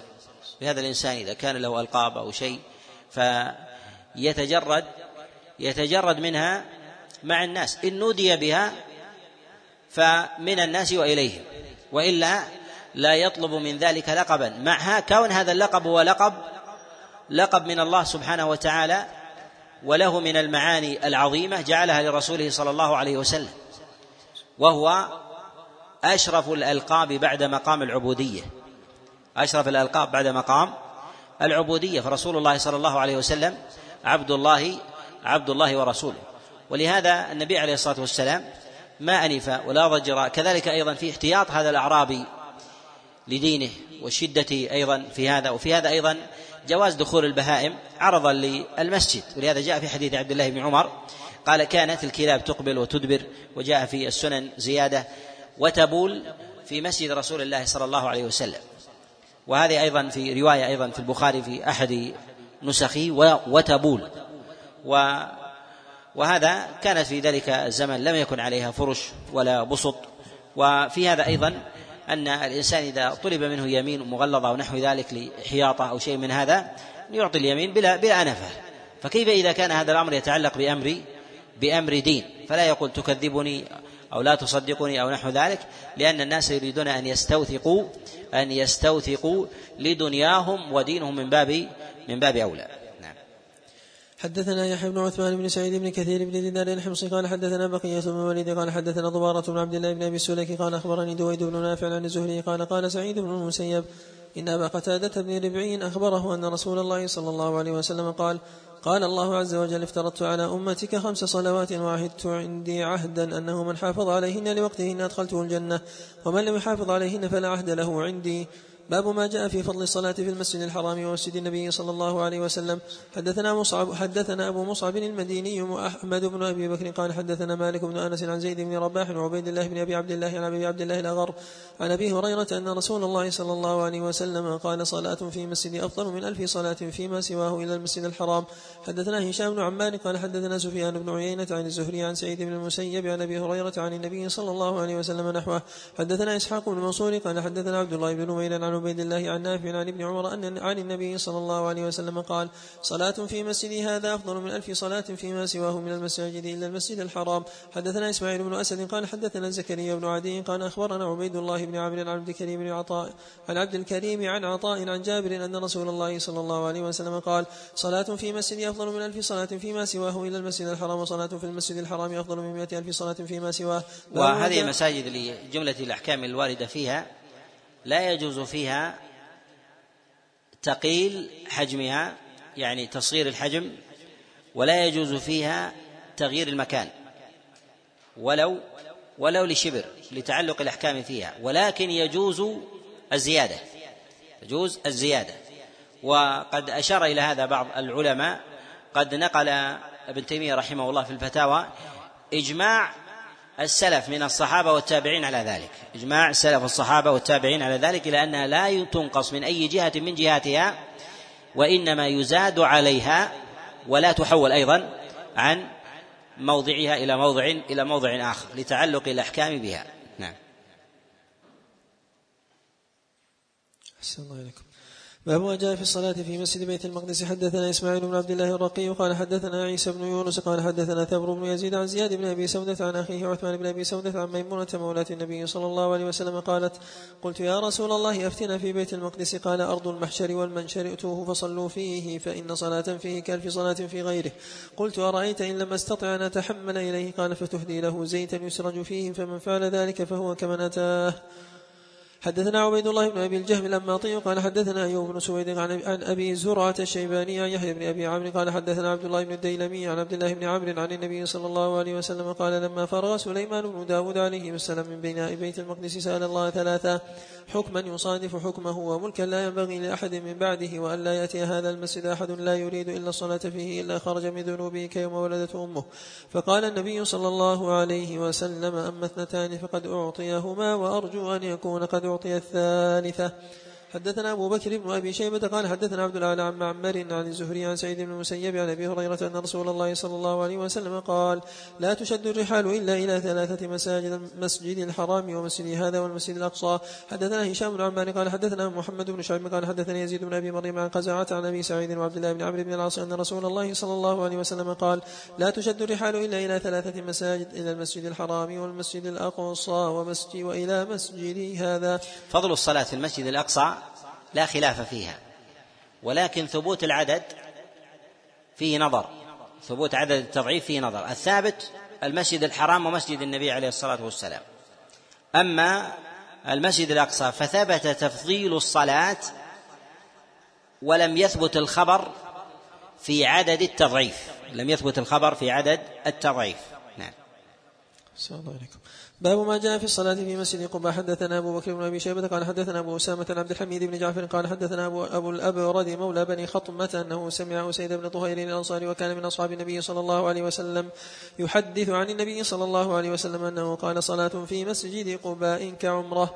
حدثنا هشام بن عمار قال حدثنا حاتم بن إسماعيل وعيسى بن يونس قال حدثنا محمد بن سليمان الكرماني قال سمعت أبا أمامة بن سهل بن حنيف يقول قال سهل بن حنيف قال رسول الله صلى الله عليه وسلم من تطهر في بيته ثم أتى مسجد قباء فصلى فيه كان له كأجر عمرة. باب ما جاء في الصلاة في المسجد الجامع. حدثنا هشام بن عمار قال حدثنا أبو الخطاب الدمشقي قال حدثنا رزيق أبو عبد الله الألهاني عن أنس بن مالك قال قال رسول الله صلى الله عليه وسلم صلاة الرجل في بيته بصلاة وصلاته في مسجد القبائل بخمس, بخمس وعشرين صلاة وصلاته في المسجد الذي يجمع فيه بخمسمائة صلاة وصلاته في المسجد الأقصى بخمسين ألف صلاة وصلاته في في المسجد بخمسين ألف صلاة وصلاته في المسجد الحرام بمئة ألف صلاة.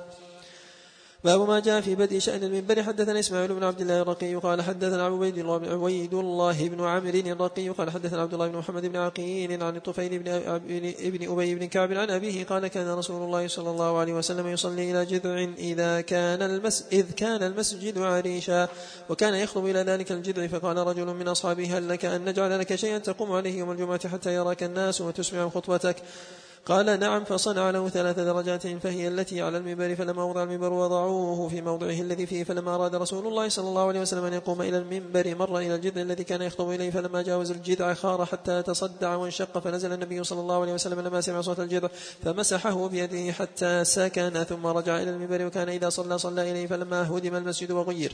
أخذ ذلك الجذع أبي بن كعب وكان عنده في بيته حتى بلي فأكلته الأرض وعاد رفاتا حدثنا أبو بكر بن خلاد الباهلي قال حدثنا باز بن أسد قال حدثنا حماد بن سلمة عن مالك بن أبي عمر عن ابن عباس وعن ثابت عن أنس أن النبي صلى الله عليه وسلم كان يخطب إلى جذع فلما اتخذ المنبر ذهب إلى المنبر فحن الجذع فأتاه فاحتضنه فسكن فقال لو, لو, لو لم أحتضنه لحن إلى يوم القيامة. حدثنا أحمد بن ثابت الجهدري وقال حدثنا سفيان بن عيينة عن أبي حازم قال اختلف الناس في منبر رسول الله صلى الله عليه وسلم من أي شيء هو. فأتوا سهل بن سعد فسألوه فقال ما بقي أحد من الناس أعلم به مني. هو من أثم الغابة عمله فلان مولى فلانة نجار فجاء به فقام, فقام عليه حين وضع فاستقبل القبلة وقام الناس خلفه فقرأ ثم ركع ثم رفع رأسه فرجع القهقرى ثم حتى سجد بالأرض ثم عاد إلى المنبر فقرأ ثم ركع فقام ثم رجع القهقرى حتى سجد بالأرض. حدثنا أبو بشر بكر بن خلف قال حدثنا ابن أبي عدي عن سليمان التيمي عن أبي نضرة عن جابر بن عبد الله قال كان رسول الله صلى الله عليه وسلم يقوم إلى أصل شجرة أو قال إلى جذع ثم اتخذ منبرا قال فحن الجذع قال جابر حتى سمعوا أهل المسجد قال حتى أتاه رسول الله صلى الله عليه وسلم فمسحه فسكن فقال بعضهم لو لم يأته لحن إلى يوم القيامة. وفي هذا أن الصحابة عليهم رضوان الله تعالى ما كانوا يتعلقون بالأعلام وإنما يتعلقون بالأعمال. فهذه الرسوم التي توجد من من تماثيل عند المتأخرين والتمسك بها أو كونها آثار أو عظيمة أو مر عليها النبي ومر عليها فلان أو نحو ذلك هذا مما عطل العمل. وذلك أنها شغلت مكانا عظيما في القلوب. وهذا الجدع الذي سمعه الصحابة حن لرسول الله صلى الله عليه وسلم وسمعوه بانفسهم ما حافظوا عليه ولا اقتنوا وهم أعلم الناس به وبمكانه وحينما غير أخذ وابعد كغيره. ولو كان لدى المتأخرين لوضع في المتاحف وأخرجت الفتاوى فيه للحفاظ للحفاظ عليه ولمكانته. وغير ذلك من إيراد ألفاظ وعبارات التعظيم والتمسك بالتراث والتاريخ وغير هذا. ولهذا الصحابة عليهم رضوان الله يعلمون ويرون الحصى الذي نطق في يد رسول الله صلى الله عليه وسلم والماء الذي نبع والأواني التي آه، كثر فيها الماء والبهائم التي نطقت عند رسول الله صلى الله عليه وسلم وكذلك أيضا النخلتين التي اجتمع جمع رسول الله صلى الله عليه وسلم ليستتر بهما والجذع الذي حن وكل هذه الأشياء هذه أعلام تمضي. ولكن العبرة بماذا؟ العمل. العبرة بماذا؟ بالعمل. ولهذا فاقوا غيره لتعلقهم بذلك. فعظمت آثارهم وعظم نفعهم في هذه الأمة وعلى أنفسهم. هذا ليس من باب التعظيم ولم يرد عنده أحد. هذا نظير ما جاء عن أم سلمة أن لديها إناء النبي عليه الصلاة والسلام تضع فيه شعرات تضع فيه شعرات. منبر النبي عليه الصلاة والسلام أيضا لم يكن الصحابة عليهم رضوان الله تعالى يضعونه للناس ولا يجمعونه ولا ينصبونه أيضا معلما. فنقول في مثل هذا يكون من جملة القنية الذي يأخذه الإنسان. لا يتبرك به ولا يعرضه للناس ولا يدعو الناس إليه. كما يجري عليه يجري عليه المتأخرون.